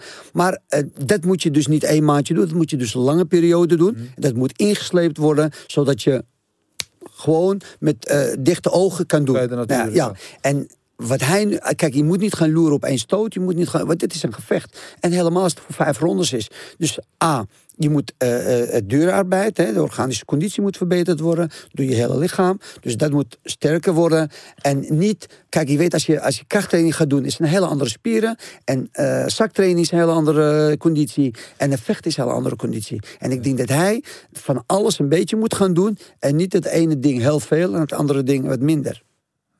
Want dat zie je natuurlijk ook heel veel met vechters hè, tegenwoordig. Wat ik eh, in het begin al zei, je hebt vechters die zitten de hele dag krachttraining, nutricine, weet ik veel, natuur, weet ik. Allemaal van, van, van, die, van die producten dat ze tegenwoordig op de markt gooien eh, om te gebruiken. Om zogenaamd word je dit van, word je zus van. Het is allemaal wel leuk en aardig, maar het blijft. Je bent een kickbokser, dus dan moet je ook gaan boksen. Je moet gaan trappen. Je moet niet aan ijzers gaan trekken. Je kan wel trappen gaan lopen, je kan wel dat gaan doen. Maar je moet 80% is in de ring, in een dojo. Daar moet je vechten. Zaktraining, petsen, sparren. Dat zijn drie dingen wat je nodig hebt. En de 20% moet je gebruiken in kracht of in andere dingen. En wat doen ze nu? Ze doen 60% kracht. En misschien 20% eh, eh, techniek en sparren in de dojo. En de rest is allemaal eh, bullshit. En dat, dat maakt natuurlijk voor heel veel vechters... die komen dus dan tekort in een, in een gevecht in een ring. En daarom zie je... vechters zijn minder hard dan in de jaren tachtig. Ja, ze doen te weinig in een dojo. Vroeger had je drie keer in de week altijd gewoon trainen. Kwam er een partij bij, dan ging je de boel verhogen. Nu heb je gewoon helemaal niks. Komt er een partij, elke dag trainen. ja. Of twee keer per dag. Die spieren kunnen het niet aan. Goed. Dat gaat niet. Spieren kunnen. Genoeg over eh, anderen. We gaan het hebben over Mount Fightmore. Eh, ja, daar hebben we onze Mount Fightmore. eh, de- onze Mount Rushmore van de vechtsport. Eh, de koppen zijn inmiddels eh, wel bekend bij onze vaste kijkers. Eh, onze favorieten van Marloes en van mij. eh, Ramon Dekkers, eh, eh, John Blooming. Bruce Lee en Bas uiteraard. Wie is die andere die tussen die... Tussenin weet ik niet. Hè, de, Ik zie Bruce Lee, ik zie Bas Rutte, ik zie Ramon Dekker en die andere ken ik. John Blooming. Oh, John Bloem, ja, oké. John Blooming. Ja. Eh, maar ja, ik heb je deze, ik had al een beetje huiswerk aan jou meegegeven. Dus je hebt je als het goed is al een beetje over na kunnen denken. Maar je gaat het nu ter plekke verzinnen. Ik wil graag van jou weten wie jouw eh, ja, founding father van de vechtsport is. Dus met andere woorden, jouw eh, grote inspiratie of voorbeeld. Eh, Van hun, vechtsport. of- Nee, die, Van, jij- van wie jou Ja. in- door je leven heen, door je carrière heen eh, het meest geïnspireerd heeft. Ja, ik blijf toch bij Mohammed Ali. Mohammed Ali, ja. Waarom? Ja, die man had alles gewoon. Eh, die had, was toch een, een... Hij trainde goed. Hij zag alles.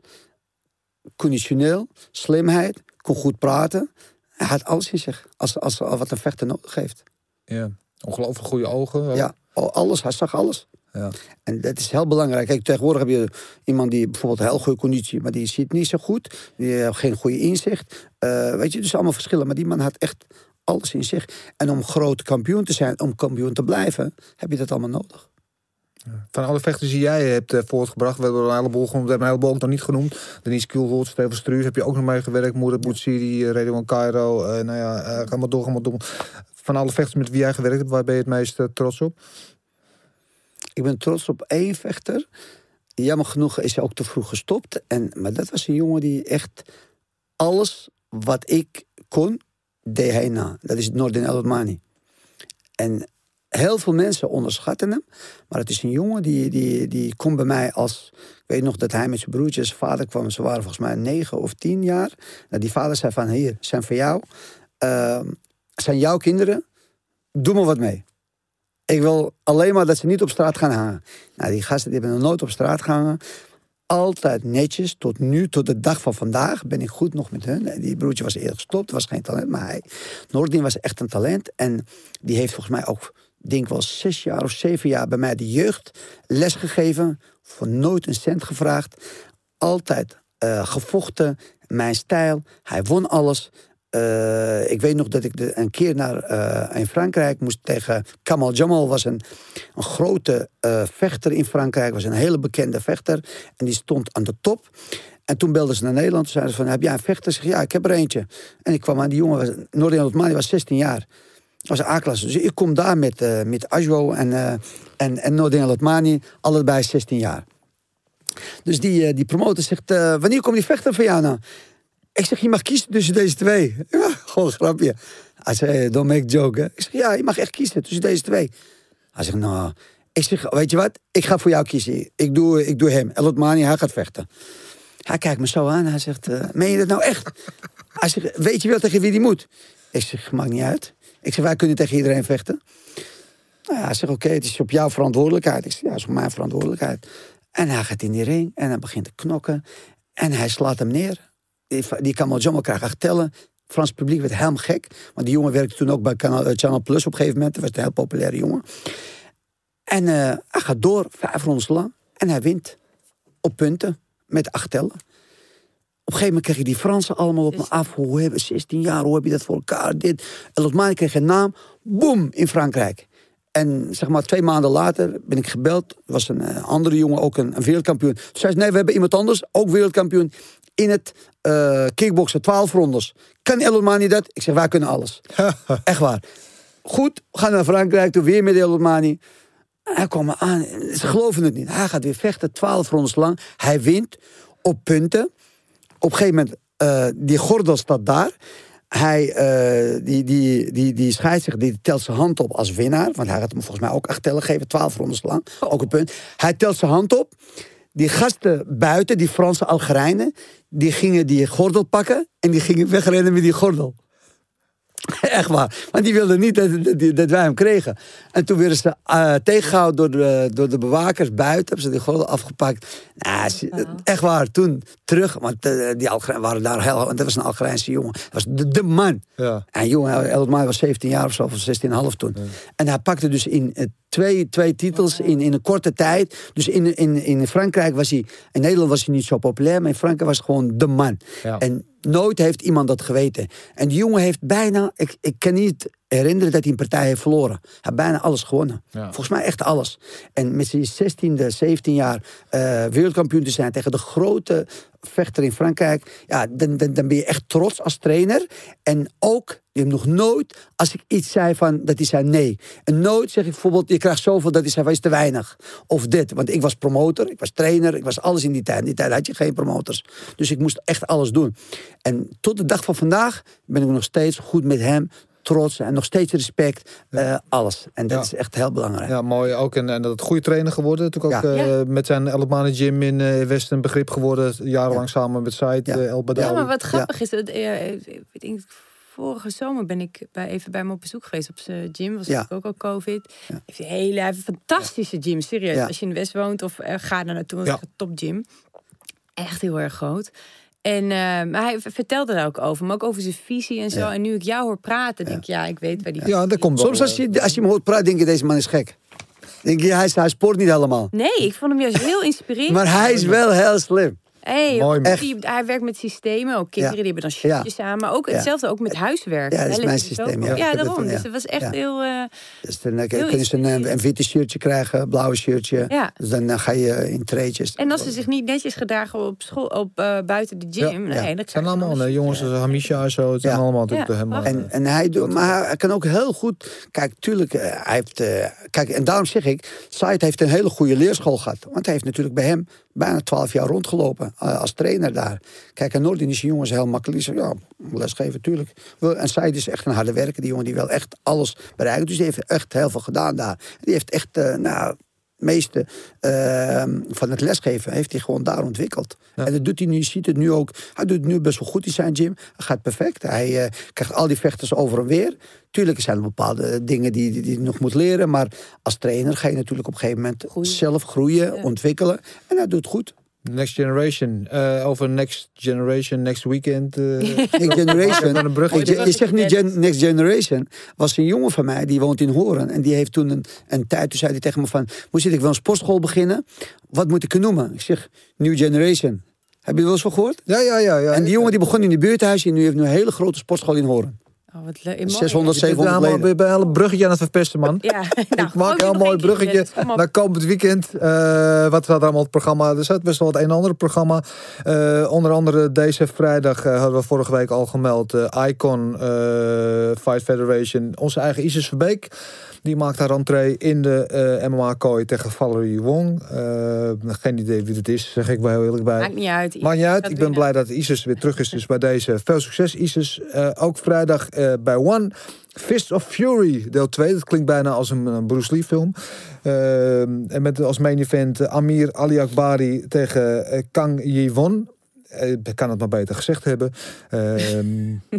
Eh, en daar, ik, ik weet niet of dat hetzelfde evenement is. Ik weet in ieder geval, want Regen Eersel, wel op hetzelfde dag dat eh Ilias vocht tegen Superlek, was ook de partij dus van Regen Eersel tegen Haida, die nog uitgezonden moet worden. En daar is ook gevochten op diezelfde dag. Ik weet niet wanneer het uitgezonden wordt. Miles Simpson tegen Santino Verbeek. Twee Nederlanders die allebei daarbij One hebben gevochten. Dus houd het in de gaten. Eh, dat komt ook nog binnenkort online. En aankomend weekend natuurlijk UC 259. En dat is wel echt de knaller. Drie titelgevechten. En die hele kaart van, van boven naar beneden. Want zelfs in de prelims staan eh, allemaal gerankte ve- eh, gevechten. Zelfs in de, in de early prelims staan nog eh, gerankte vechters. Het is te veel om op te noemen. Maar laten we even die drie titelgevechten wel benoemen. Adesanya tegen Blachowicz. Natuurlijk de, de champ versus champ fight. Ik heb gisteren nog even de, eh, hoe noemen ze het ook altijd, dat, je, dat ze nou, eigenlijk de, de partij gaan promoten. Daar heb ik even gekeken van de UC en ik ben wel echt helemaal verliefd op uh, Adesanya. Ja, Adesanya is ook een, een, een geval apart. Het is wel een heel speciale... ik- Maar in kickboksen was hij niet veel. nee, Ik maar dat is toen meegemaakt in, eh, in Amerika. Vocht hij tegen, eh, tegen die jongen van... eh, tegen Jason Wilnis. Ja, Wilnes, ik Ja. was erbij. Oké, hij, eh, ja, Wilnes heeft gewoon gewonnen, maar hij vond het niet leuk. Die trainer kwam naar me toe. Hij zegt, Nee. eh, wat vind jij ervan? Ik zeg, ja, hij had hij wat meer moeten doen. Dus, Dus was hij boos, die trainer, want ik ken die trainer dus. Eugene eh, Ja. Barman, ja. Dus, eh, maar ja, kijk, maar het, het systeem wat hij doet, sluit wel heel goed aan bij het maar werkt perfect. ja, is Ja, wat Stefan ge- vorige week ook zei. ja, ja, ik vind hem echt een fenomeen. En het is wel interessant om te zien wat hij gaat doen tegen Blachowicz. Toch een gewichtklasse hoger. Maar ik denk op, nou, wat we net al zeiden, vecht IQ. En als je zijn wedstrijden ziet, hij wordt bijna niet geraakt. Nee. Ja, en hij zei dat hij in het boksen en het, in het kickboksen ook op heavyweight heeft. Hij heeft al op heavyweight ook gevochten, ja. Dus eh, wat dat betreft eh, is het nu vreemd ja, en wij. Dus- wij hadden het over Blachowicz. Ja, dat is, ja, ik vind hem niet zo'n hele aantrekkelijke vechter. Maar Nee. het is wel iemand waar je... Hè, je had er weer de andere visie op. Ik heb er wel sympathie voor, ja. Nee, want eh, eh, het is inderdaad een beetje een... Nou ja, dat zeg, bedoel ik niet zo onerbiedig als het klinkt... maar een beetje huistuin- en keukenvechter. Wel sterke jongen, maar hij heeft... Hij excelleert niet. Nee, niks speciaals. Eh, maar de vorige eh, wedstrijd mocht hij, waar hij die titel pakte, mocht hij tegen Dominic Reyes. En Dominic Reyes had zijn wedstrijd daarvoor tegen John Jones gevochten. En er zeiden heel veel mensen na die wedstrijd eigenlijk wel van, nou, volgens mij heeft Reyes hem gewonnen, maar John Jones kreeg hem. Dus in de voorbeschouwing op die wedstrijd tegen Blachowicz werd eh, Reyes eigenlijk al een soort van, nou, die hoeft hem alleen nog maar even op te halen, die titel. En Blachowicz was een soort van figurant op de, op de gala avond. En dat liep even anders af. Toen sloeg hij het licht uit zijn ogen. Dus dat eh, gun- gunde ik hem dan wel. Dat vond ik Ja. wel weer een soort van gerecht. Ja, ja, ja. Op die Adesanya terug te gaan, dat is wel, eh, het, is, het is niet die jongen die Kijk, als je naar die trainer kan, die, die begrijpt er allemaal niks van. Maar die jongen die heeft gewoon, die is gewoon een talent. Dat is een jongen die ziet echt alles. Ja. Hij is, kijk, door het kickboksen waarom die af en toe wel eens verloren. Omdat hij gewoon, ja, dekking te laag en iemand zo om die gered, op hem af gaat rennen. Maar in systeem, hij zit echt heel veel. En dan zie je natuurlijk ook met die, met die MMA-vechters. Ja, dat is natuurlijk heel makkelijk te raken. Omdat die jongens een beetje die handen laag. Hij doet natuurlijk gaat pakken, gaat trappen. Hij, doet van, hij is gewoon orthodox. Ja. Hij je met hij ziet heel veel. Dat hij snel oog heeft, dat hij patronen ziet. Hij, nee, hij heeft, eh, hij heeft goede inzicht. Ja. Hij Ja, ziet wat jij gaat doen. Ja. En dan daar countert hij heel snel op. Bam. Ja. En dan schrik oog. de, snel ogen. Dus schrik andere. Matrix-achtige beweging heeft hij af en toe. Ik had zo'n jongen als, als hem vroeger, die, had, die Yunus Massani. Dan stond hij tegen een Thai. En nou, een Thai is- vinden ze het heel erg als jij eh, je, je, je, je ondervoet zo in zijn gezicht doet. Ja. En die Yunus die kon zo met zijn met zijn voet paam met zijn gezicht stoppen. En die Thai werd helemaal gek. en Die gaat achter hem aan rennen. En eh, hij bleef een beuken. En dan kon hij ook nog winnen. Hij vond van de beste Thai die, die, die, die gewoon niet van te winnen was. Dus sommige mensen hebben dat gewoon. Ja, en maar je ziet ook ehm, hoe die beweegt. Het is heel vloeiend, zijn balans is heel erg goed. Soepel. Hij heeft ritme. Soepel, ja. Dus, eh, Ja, en, en- en, hij- nou, het- het, het worstelen en het grondgevecht wordt natu- natuurlijk ook steeds beter. Dus als Blachfiets wil winnen, ja, het enige wat hij kan doen is hem mee naar de grond nemen. Ja. Ja. Daar heeft hij een kans mee staan, dan moet hij niet proberen. Dat wordt wel zijn gameplan, maar eh, Adesanya wordt ook weinig naar de grond gebracht. eh, Leert de geschiedenis tot nu toe. Dus dat is zeker een interessante. Helemaal wat er daarna gaat gebeuren. Want Adesanya, de, de superfight wie iedereen natuurlijk op wacht, is Adesanya tegen John Jones. Die won de heavyweight is gaan nu. Maar ja, die lopen elkaar natuurlijk al een tijdje eh, voor rotte vis uit te maken. Dus dat verheug ik me eerlijk gezegd wel een beetje op. zie die kop ook, hè? Ja, die... eh, Ik denk dat die de Adesanya toch wat, eh, wat, wat, wat soepeler is dan die John Jones. Is wat, toch wat ouder aan het worden. Dus denk wel dat hij toch meer kans heeft. Hoor. Dat denk ik ook, Ja. maar dat is allemaal nog in de toekomst. Ja. Ehm, tweede titelgevecht van aanstaande zaterdag. Eh, de, de vrouwenpartij natuurlijk. eh, Amanda Nunes tegen Megan Anderson eh, om de 145 titel, het featherweight titel. Ja, ik heb een zwak voor ehm, de dame uit Kansas, die uiteindelijk in Australië is geboren. Maar zij, eh, ze heeft heel veel moeten overwinnen in het leven. Is iemand die mentaal niet altijd even sterk is, maar ze heeft zo ongelooflijk veel power. Alleen in de laatste partij wat je zag is dat, terwijl ze traint wel veel tegen de kooi en zo, maar eh, ze leek wel een beetje vis op het droge. Heeft natuurlijk ook met die lengte te maken. enige manier waarop Megan kan winnen is dat ze, wat ze heeft, kan echt hard slaan, is dat ze Nunes met één goede stoot eruit haalt. Ja, Hij heeft vooral veel op afstand gaan vechten, maar dat Nunes gaat er doorheen. Die pakt haar, die neemt hem mee naar de grond. En, eh, ja. En, en wat je ziet van Nunes, de laatste twee partijen, is toch wat gereserveerder gaan vechten. Tegen Shimane ook. Hij heeft ze eigenlijk alleen maar het gevecht proberen te onderbreken en naar de, naar de grond proberen te halen om het striking gedeelte eruit te halen. Ik verwacht eigenlijk dat ze dat nu weer een ja, ja, gaat ja. doen. ja, maar zeker met Megan. Ik bedoel, die wil over die lengte heen stappen. En, en in de laatste partij, wat ik zei van Megan, zie je gewoon... Ze, ze weet wel wat ze moet doen eh, tegen de kooi aan. Maar het lukt niet om het op het juiste moment met de juiste beweging in Nee. te zetten. En, en dat, het was echt een vis op het droog om te zien. Ja, maar goed, eh, we gaan het allemaal zien. ik heb een zwak voor haar. Ik ook. Eh, ik gun er het beste. Eh, zoals ik iedereen altijd het beste gun, uiteraard. En, en dan die derde is van het drie titelgevechten wel degene die mij het meest aanspreekt. eh stylistically, eh, om maar even een goed Nederlands woord te gebruiken. Natuurlijk Peter Jan tegen Algemeen Sterling. Eh, en dat is natuurlijk de klassieke striker versus Mhm. grappler. eh, Ja, maar wat voor striker. Wat Wat vind jij van zijn striking? Ja, Wat ik, staan ik vind het een beetje droog. Een beetje, ja, eh, Als in dat hij niet genoeg varieert? Of hoe bedoel je? ja, een beetje, een beetje statisch. Niet echt, eh, niet soepel. Nee, wie zou jij je geld zetten? Van die twee? Geen één. Ga je geld lekker in je zak. ik hou ze hier. Nee. Ehm, Oké, nou dat gebeurt dus allemaal zaterdag UFC 259. En die kaart naast zoek het alsjeblieft zelf op, want die is zo sterk. Dat is live eh, kijken? Ja, ik ga het voor deze. Ik ben- moet zeggen, ik ben wel een beetje een oude lul geworden. Tegenwoordig afgelopen weekend dacht ik ook uh, Rozenstrijk, waar het niet eens over Ja, gaat. heb oh nog- ja. Daar ga ik voor wakker blijven. Eh, en Canelo was ik ook zaterdag. En om een uur of half twaalf voelde ik mijn ogen zat ik. Nou, ik ga morgen toch wel gewoon even, even terugkijken. Want ik ben toch een beetje wat dat betreft. Ja, eh, jammer. Ik krijg altijd een jetlag van. ja, Ja, ik vind het ja, ik, ik, ik, ik zeg eerlijk, ik, sta- ik blijf voor niemand meer wakker. Nee. Ja, ik ook niet. Het is niet meer leuk, want eh, juist wanneer je denkt van nou, die gaat het doen. eh, want je ziet het nu, die Ruizenstreek, de, de, zeg maar die Biggie Boy, die had nu de kans om door te breken. En eh, op een of andere manier kwam het gewoon niet uit. Nee. Omdat, kijk, mist een klein beetje techniek, mist de durven eh, om erin te gaan. Want hij denkt, ja, misschien, weet je, dus een beetje, een beetje angst Ja. eh, krijg je. Eh, tuurlijk zal het misschien ook door, natuurlijk door die COVID dat hij niet kon sparren of wat dan ook, ik weet niet. Maar je ziet hoe hoger ze worden, hoe minder ze risico willen nemen. En in dit leven moet je blijven risico nemen. Anders moet je er niet in gaan. Dus je moet risico nemen. Je moet gaan veranderen op techniek. Ik zie hem ook. Kijk, in Amerika is wel leuk, maar hij traint in Amerika terwijl. Hij eh, was vaak in Nederland. En in Nederland kun je heel veel techniek trainen. Ja. Dat heeft hij toch nodig. Want hij komt toch uit het kickboxworld. Dan moet hij zijn technieken goed gaan beheersen. Hij kan niet... eh shiften als hij naar binnen gaat. Dus hij gaat naar voren, gaat open. Dus hij durft niet. Dus hij moet toch een beetje, vind ik wat tactischer gaan, eh, gaan Ja. vechten. En iets meer die verstand op nul gaan zetten. Wil je tegen de laatste drie, vier toppers gaan, gaan draaien. Want anders wordt het alleen maar moeilijker. Nou, nou, ik, weet- vond, ik vond vooral in deze wedstrijd, en dat ik, ik bedoel, iedereen heeft het erover dat Oostenrijk zo slecht vocht. Ik denk dat daar ga je ook wel heel erg voorbij aan de verdiensten van Gaan, die gewoon perfect gameplan had Ja. en hem eigenlijk gewoon volkomen neutraliseerde.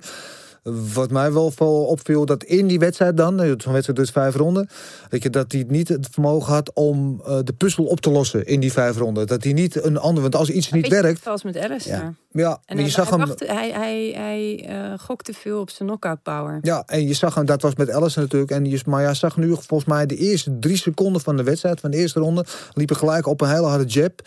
En daar, daar, daar schrok hij kennelijk een beetje van zo. Maar hij had dus niet het vermogen, en ook zijn hoek, eh, eh, toch wel een gerenommeerde hoek, had niet het vermogen om, om die puzzel op te lossen. Ze, je moet iets anders aanvliegen om. Ja. Ja, nou wat Michael Bisping ook zei, dat vond ik wel mooi. Hij zegt, je doet eigenlijk auditie in deze Ja. partij. Ja. Dat de god voorbij ja. Terwijl bij die andere jongen, die heeft nog maar, wat is die, 7 en 0, 8 en 0? 8-0, ja. Ja, ik bedoel, ik vind ook wel dat ze vaak weinig, en dan hebben ze wel een hele grote carrière in een andere sport vaak, maar dat ze, op het, dat ze te snel voor eh, Ja, maar- het platform, Ja, maar ik te zeg- hoog plat, groot Ik zeg eerlijk, het, het, het, de hoek speelt ook een heel belangrijke rol.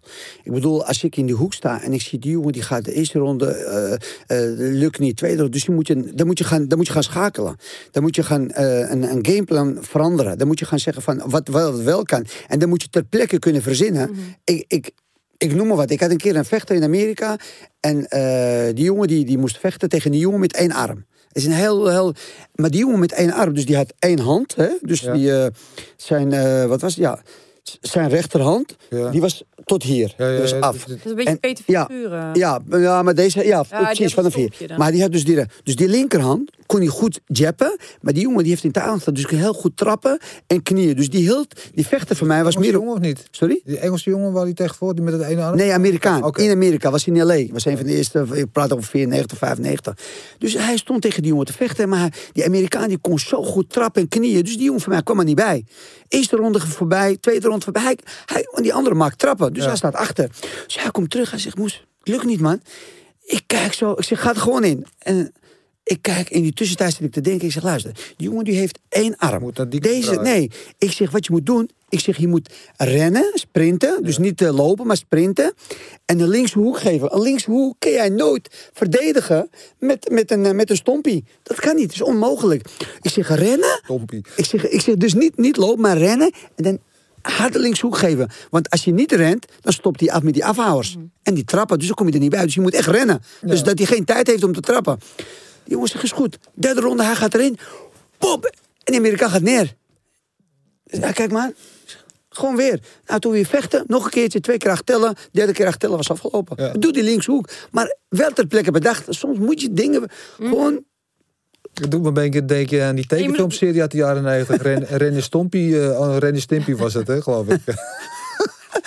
Maar ja, je zegt het wel. Maar het is heel moeilijk om bij te komen. Hij kon echt niet Je, bijkomen. je moet ook zeg maar zo boven de stof staan dat je een gameplan los te durven laten als het er echt om gaat. Nee, maar soms train je op Zeker. iets. Ook- Soms train je op iets, maar het lukt niet. Maar in die tussentijd moet je gaan schakelen als trainer. Niet als vechter, want die vechter weet het niet. Jij moet schakelen als trainer om... Kijk, verander. Kijk, maar die, die jongen moet wel natuurlijk in jou geloven om met jou meegaan. Ja, ja. Anders denkt hij van, ja, dag, als ik dat doe, krijg ik dat. Weet je, dus hij moet wel in jou Je geloven. vaak om met vechters, als je de ronde 1 hebt gezien, eh, tenminste in het MMA valt me op, als je ronde 1 hebt gezien, weet je ook wat ronde 2, 3 en 4 Ja, gebeurt. ja, er zijn Bijna weinig. eh, Dat eh, onderscheidt ook de top van de middenmoot. Eh, vermogen om te kunnen improviseren en, en bij te kunnen schakelen en je gameplan aan te kunnen passen. Ehm, we gaan naar de socials. Eh, eh, we hebben een paar leuke. En die eerste is vooral mijn favoriet van meneer Costa. Ik weet niet of het even meegekregen, maar die eh, hadden ze even. Ja, hij zei dat hij te veel gesopen had. Ja, had hij kon niet de avond voor de wedstrijd. Ik eventjes, dat staat in het Engels. Ik zal het even Hij zei, ik heb veel gedronken. Hij kon niet goed slapen de avond voor de wedstrijd. Dus hij had een glaasje wijn genomen. Dat hielp niet. Nog een glaasje wijn. Uiteindelijk heeft hij de hele fles opgesopen. en daardoor stond hij dronken in de kooi. Nou ja. Wat dingen zeggen. Try eh, melatonine de volgende keer. ja, nou ja, ik weet niet. Hey, maar als je goed kijkt naar die jongen, kijk, ik ben geen MMA-vechter, maar als ik goed kijk, die jongen die, die, die hangt te veel aan ijzers en, eh, en misschien En andere dingen andere erbij. dingen, ja. andere dingen erbij. Dus hij zal het sowieso niet redden tegen Adesanya. Nee, maar ja, als je die partij hebt gezien, hij leek ook wel een beetje dronken hoe je in die kooi stond. Maar dat had volgens mij gewoon te maken met pure machteloosheid. Maar Ja, ik vraag maar- me meer af, want er is natuurlijk niemand die dit verhaal gelooft. Dus ik vraag me af, die man zit ook bij een groot team. Ja. Of er nou niemand is in zijn omgeving die zegt van... joh, misschien moet je dit niet posten. Misschien moet je, is dit niet handig om te zeggen... want je zet jezelf gewoon voor lul. Ja. Doe het nou niet. Ja, maar, hij ja. zit natuurlijk bij Henry Cejudo en, eh, eh, en zijn trainer. En dat zijn allemaal... Henry is een tijdje in Nederland geweest. Super lieve, leuke gast. Heel... eh, voor de Eh, Captain America, nee, Ja, die coach, eh, coach Eric. zijn- en- maar als je Henry op social media volgt, dan denk je ook, wat is dat voor oud? Wat is een hele intelligente, lieve gast. En Ja. trainer, dat is echt zo'n flamboyante figuur. En die versterkt dat in hem. En Ja, dit is nou een jongen die niet... Deze, die, nou, dit moet je volgende maar niet meer doen. Hij vecht over 17 april tegen Robert Whittaker. Dat is wel een Oh. partijtje waar ik naar uitkijk. Ik hoop dat hij wel nuchter is deze keer. Misschien heeft hij daar nog een kans. Eh, vervolgens, eh, eh, de tweede, gaan we naar eh, onze eigen Nicky Holske. De partij hebben we het al over gehad. Ja. Eh, die staat volgens mij gepland voor 21 april. Eh, en het is denk ik vooral voor de oudere fans een leuke pot. Nicky Holske natuurlijk, eh, nou ja, een legendarische carrière gehad. John Parr ook. Ja. Die al, ja, ik zit er meteen nee te knikken. Ja, omdat ik Joe Parr, ik ken die jongen al zo lang. Die heeft zoveel meegemaakt. Hij heeft zoveel klappen gehad bij die taaien. De laatste keer dat ik hem zag vechten was bij Bellator. Eh, toen, eh, ik weet niet waar het was. Italië. En toen in Italië zag ik hem vechten. En toen dacht ik van, nee joh, eh, ik sprak hem daarna. Ik zeg, is, het wordt niet eens tijd dat jij gewoon gaat stoppen, man. Ik zeg, want het is, het is, het is niet goed. Hij zegt, ja, het is mijn laatste gevecht. Ik ga, er, ik ga ermee stoppen. Maar jongens, ik weet niet hoe oud hij is. En hij, zo, hij is helemaal afgeslacht. Hij heeft zoveel klappen gehad. Hij is En 45. ja, en Hij heeft net een nieuwe heup. Dat je dit nog doet, weet je. Ja. Ik ken hem al heel lang, dus dat je dit nog doet. Ja, ik vind, kijk, voor Nicky is het natuurlijk een leuke warm je, eh, warm je up. Kijk, eh, als Nicky niet van hem vindt, ja, dan eh, kan hij ook beter stoppen. Ja, twee Maar- dingen. Artwork, heel erg mooi. En Ja. Nicky heeft bij ons op de bank gezegd dat hij nooit met Forens Gloves ging Ja, daar wou ik dus even inderdaad ook naartoe. En ik, ik ben nooit iemand om iemand te veroordelen die, die terugkomt op een eerdere uitspraak. Maar hij was toen vrij expliciet. Van uh, kickbox is gewoon met grote 10 ounce eh, gloves. Geen gelul. eh, dat is wat ik doe. Ik ben geen uh, Muay Thai vechter en zo. Dus dat uh, kickbox met de kleine handschoentjes vind ik niks. En nu gaat hij toch uh, full Muay Thai. Dus ook met ellebogen uh, Ik zou graag van hem horen hier op de bank uh, waarom die... Dus Nicky, bij deze, we horen graag jouw verhaal. En, ja. Maar goed, ik, ik vind deze... cool hoor. Het is natuurlijk wel eentje, eentje voor de ages. Ik, uh, ja, kijk, als je tegen jongen en paar staat en die doet kleine handschoentjes, dan, dan is Moet het wel te doen. Moet lukken. Ja. Gewoon op afstand houden. Jongen en paar is een jongen die heel lang in Thailand heeft getraind en, en ook gewoond. Dus die is heel statisch. Dus die kan je met alle stoten kan je raken. Ja. En helemaal met zijn 45 ja. En Nicky toch wel wat reach. En Nicky is eh, natuurlijk toch wel wat slimmer en wat Ja. soepeler en eh, wat jonger. En dus ja, eh, dat, dat kan wel. Maar kijk, je moet natuurlijk niet tegen iemand gaan staan die goed kan boksen met kleine handschoenen. Want dan is het, eh, Nee. dan is het einde verhaal, denk ik. Ja, ik ben er sowieso geen fan van, maar daar gaan we het nu niet op in. Eh, de volgende, en dat over legendarische carrières gesproken, post uh, Jotsen Klai op zijn Instagram deze week dat hij ermee stopt. Uh, hij is uh, 36 geloof ik, of bijna 36. Nou, dat is in uh, Thaise leeftijd is dat natuurlijk uh, 83 ongeveer. Dan heb je al uh, drie levens achter de rug. uh, bijna 300 partijen gevochten. Ja, wat is er nog meer te zeggen over deze man? Ja, kijk, die ken ik ook al heel lang. En uh, ja, de laatste keer dat hij dat die, die pak slaag kreeg van Senna, van die, uh, van die Algerijn. Ja. Dat, dat, dat, was natuurlijk afschuwelijk voor een taai om zoveel klappen te krijgen. Ja, dan moet je natuurlijk gaan nadenken van, uh, wil ik wel doorgaan of niet? En helemaal in, bij one. Kijk, je weet zelf hoe het met die taaien gaat. Ze doen het voor het kamp, ze doen het voor het geld. Uh, ze moeten vaak van het kamp, omdat ze een naam hebben gecreëerd in de loop der tijd. Dus als zo'n jongen stopt, die hele kamp heeft dan niet te eten. Dus het is een, het is een kamp, was, was ze voor vechten. Uh, ik heb een tijd vroeger ook, ook met hun in, in, in zo'n kamp geslapen. Dus je weet hoe het gaat. Je krijgt een droge rijst over in de middag met water. En uh, s ochtends, ja. moet je gewoon keihard trainen. Dus je bent eigenlijk meer... eh, ja, iedere vechter die een beetje groeit, die geld, geld verdienen... die, die moet de ander een beetje mee, eh, mee, eh, ja, mee laten eten. Dus kijk, die jongen heeft natuurlijk zijn tijd gehad. Kijk, en je weet hoe, hoe het is. Thuis zijn ook heel lui hè, om te trainen, heel vaak. Kijk, als hij zou blijven trainen en zijn leven goed op orde zou hebben... zou hij nog steeds mee kunnen draaien. Alleen je weet hoe het gaat. Die tijden beginnen zo vroeg. Dus op een gegeven moment zijn ze 28, 29. Maar dat zeggen meestal taart 30 zijn, zijn ze meestal Ja, op. zijn ze kapot. Dus dat hij nu op zijn 36 e Ja. ermee stopt. En eh Sencha is geloof ik nog, die is geloof ik 39. Die draait nog steeds eh, partijtjes. Eh, dus dat is eigenlijk al vrij uitzonderlijk. En ik vond het mooi vooral de, de commentaar van Andy Sauer. Ja. Die daar eh, rechts ernaast staat. Ja. Eh, die het eigenlijk wel een beetje jammer vindt. Want die had gehoopt dat hij nog wel een keertje eh, vechten. de degens kon kruisen. En ik, eh, ik sprak Andy trouwens van de week toevallig. En die is er nog niet klaar mee. Die wil nog wel een paar. Die had onder andere die had een, een wensenlijstje. Er zat geloof ik Petrosian zat er nog op. En hij wil graag tegen Typhoon wil hij nog een keer. Dat ging de vorige keer toen niet zo goed. Dus die... Ja, kijk, en, en die is wel een jongen die heeft. Die, die, die wil heel graag, die traint er ook voor, die leeft er ook een, een beetje af en toe voor. Dus die, die kan het wel. Alleen, niet, alleen eh, niet, tegen, niet tegen nieuwkomers. Kijk, tegen Petrosian wordt, wordt het iets moeilijker. Tegen Typhoon zou die nog een mooie partij kunnen neerzetten. Maar ook hij natuurlijk loopt tegen het einde aan. Kijk, eh, we moeten eerlijk zijn. Je hebt tijd van komen en tijd van gaan. En dat is, dat is niet voor niks dat ik, Nee. dat ik ermee stop met vechters. Omdat je ziet gewoon dat sommige vechters willen gewoon te lang doorgaan. Waar jij als trainer Ja. niet achter staat. Maar ze willen toch doorgaan. Dan ga jij meespelen. En dan sta je voor lul in die hoek. En kijk, Andy heeft natuurlijk weer... eh, hij traint nu met hij heeft nu een nieuw team. Hij gaat het weer opnieuw proberen. Maar ja, het, is, het, blijft, het blijft een moeilijke situatie. Ik zou het niet doen. Maar ja, hij, eh, hij wil het natuurlijk eh, wel doen. Dus ja, ik, ik hoop voor hem dat het nog lukt. Maar je zal zien, na een paar partijen... Het is, het is eigenlijk het trainen. Het is meer... ehm, het is, het is moeilijk om op te brengen om elke keer naar die trainingen te gaan. Ja. Daar gaat het vaak fout. Ja. En niet bij het gevecht. Nou, ik hoop in ieder geval, ik gun eh, ook nogmaals gewoon iedereen het beste. Maar ik gun ook Andy nog eh, een paar mooie wedstrijden aan. Volgens mij zei hij ook op de bank van dat hij gewoon dit nog zo zag als zijn afscheidspartij door Azië. En dan heb je een Precies. paar landen mooi Ja. zien. En, Dus eh, ik gun hem nog een mooi einde aan een hele rijke en indrukwekkende carrière. En eh, ook Andy zien we graag binnenkort nog een keer op de bank. op de bank. Op de bank. bankie. back. bank it to the bank. eh, om daar nog eventjes over te filosoferen. En dan gaan we naar het laatste. En hier moest ik persoonlijk heel hard om lachen. Ik weet niet wat jullie ervan vinden. eh, van John Lineker. Ehm, staat een kop koffie.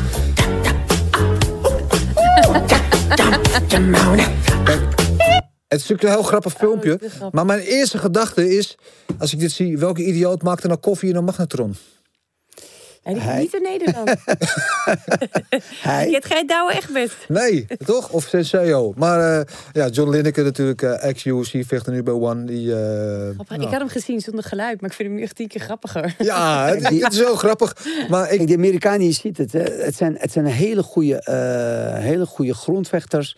Maar staat ben ik, ben ik gewoon helemaal, eh, ja, helemaal geen fan van. Want ik heb eh, vorig jaar, of twee jaar geleden, was ik in Amerika. Was in, eh, ging ik een, een lesje geven daar, een, een seminar. En allemaal top MMA-vechters in Chicago. Ja. En dat zijn weer echt goede jongens.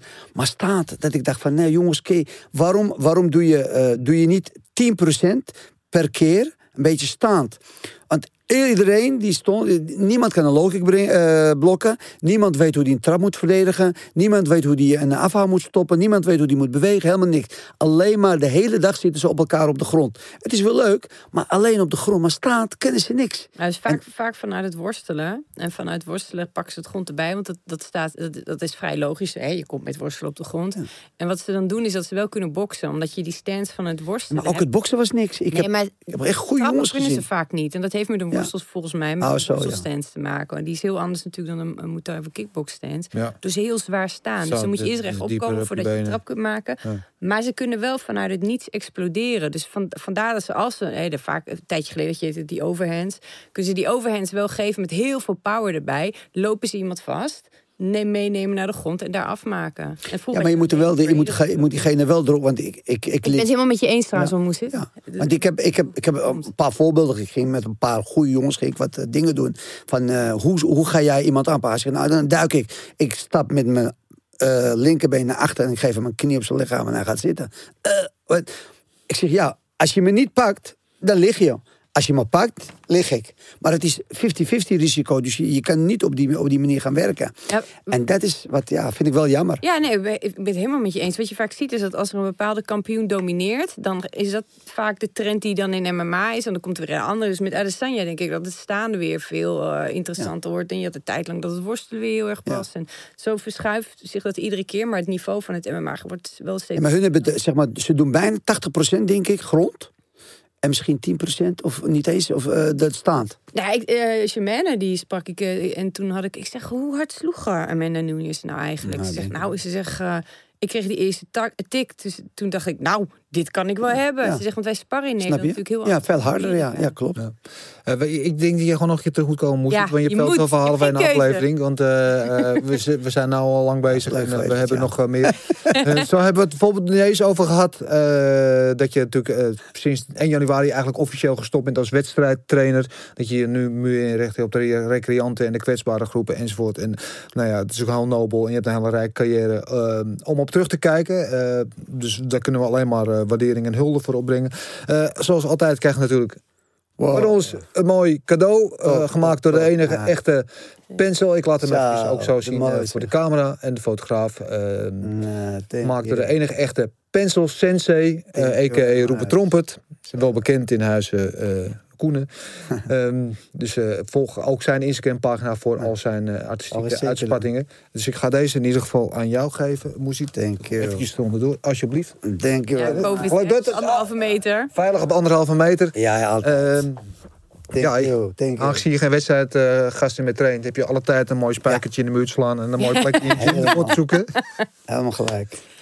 Ik wil zeggen, dankjewel voor je, eh, voor je komst, voor je, voor je mooie verhalen, voor je inbreng, voor je, voor je energie. En, eh, ja, en voor je mooie carrière als eh, trainer en vechter, want daar hebben we allemaal veel van genoten. Ja, dankjewel. En ik hoop dat jullie echt nog, nog groter gaan groeien. Dat jullie er alleen maar beter van worden. Dat ik volgende keer nog in een grotere paleis terechtkom. dan, kan ik, dan kan ik mijn verhalen nog even Oh, afmaken. Wat ik allemaal niet aan, aan toe kwam. Ik dacht, zat er aan te kijken. Hoe ga ik nou een uurtje volhouden daarover, volmaken? Maar Nou. blijkbaar zijn er, zijn er nog eh, heel veel We dingen. nog eh, vier uurtjes vol. Ja, dus, eh, ja, dus dat, maar het is wel leuk geweest. Dus you never know. Thank you very Dankjewel. much. Dankjewel. Marloes, jij ook bedankt. Ik verwacht jou gewoon volgende week weer hier op deze plek. 100%. En eh, jullie ook allemaal bedankt. En eh, zoals gezegd, eh, we plaatsen even een, een, een linkje of een filmpje op de socials van eh, een wedstrijd van Moesie. Dat je het ook kunnen zien. Deze man kon echt heel goed knokken. Eh, jullie allemaal weer bedankt voor het kijken. En vergeet niet even abonneren en een likeje te geven. En dan zien we jullie volgende week. Ik hou van jullie allemaal. Goed. Thank you.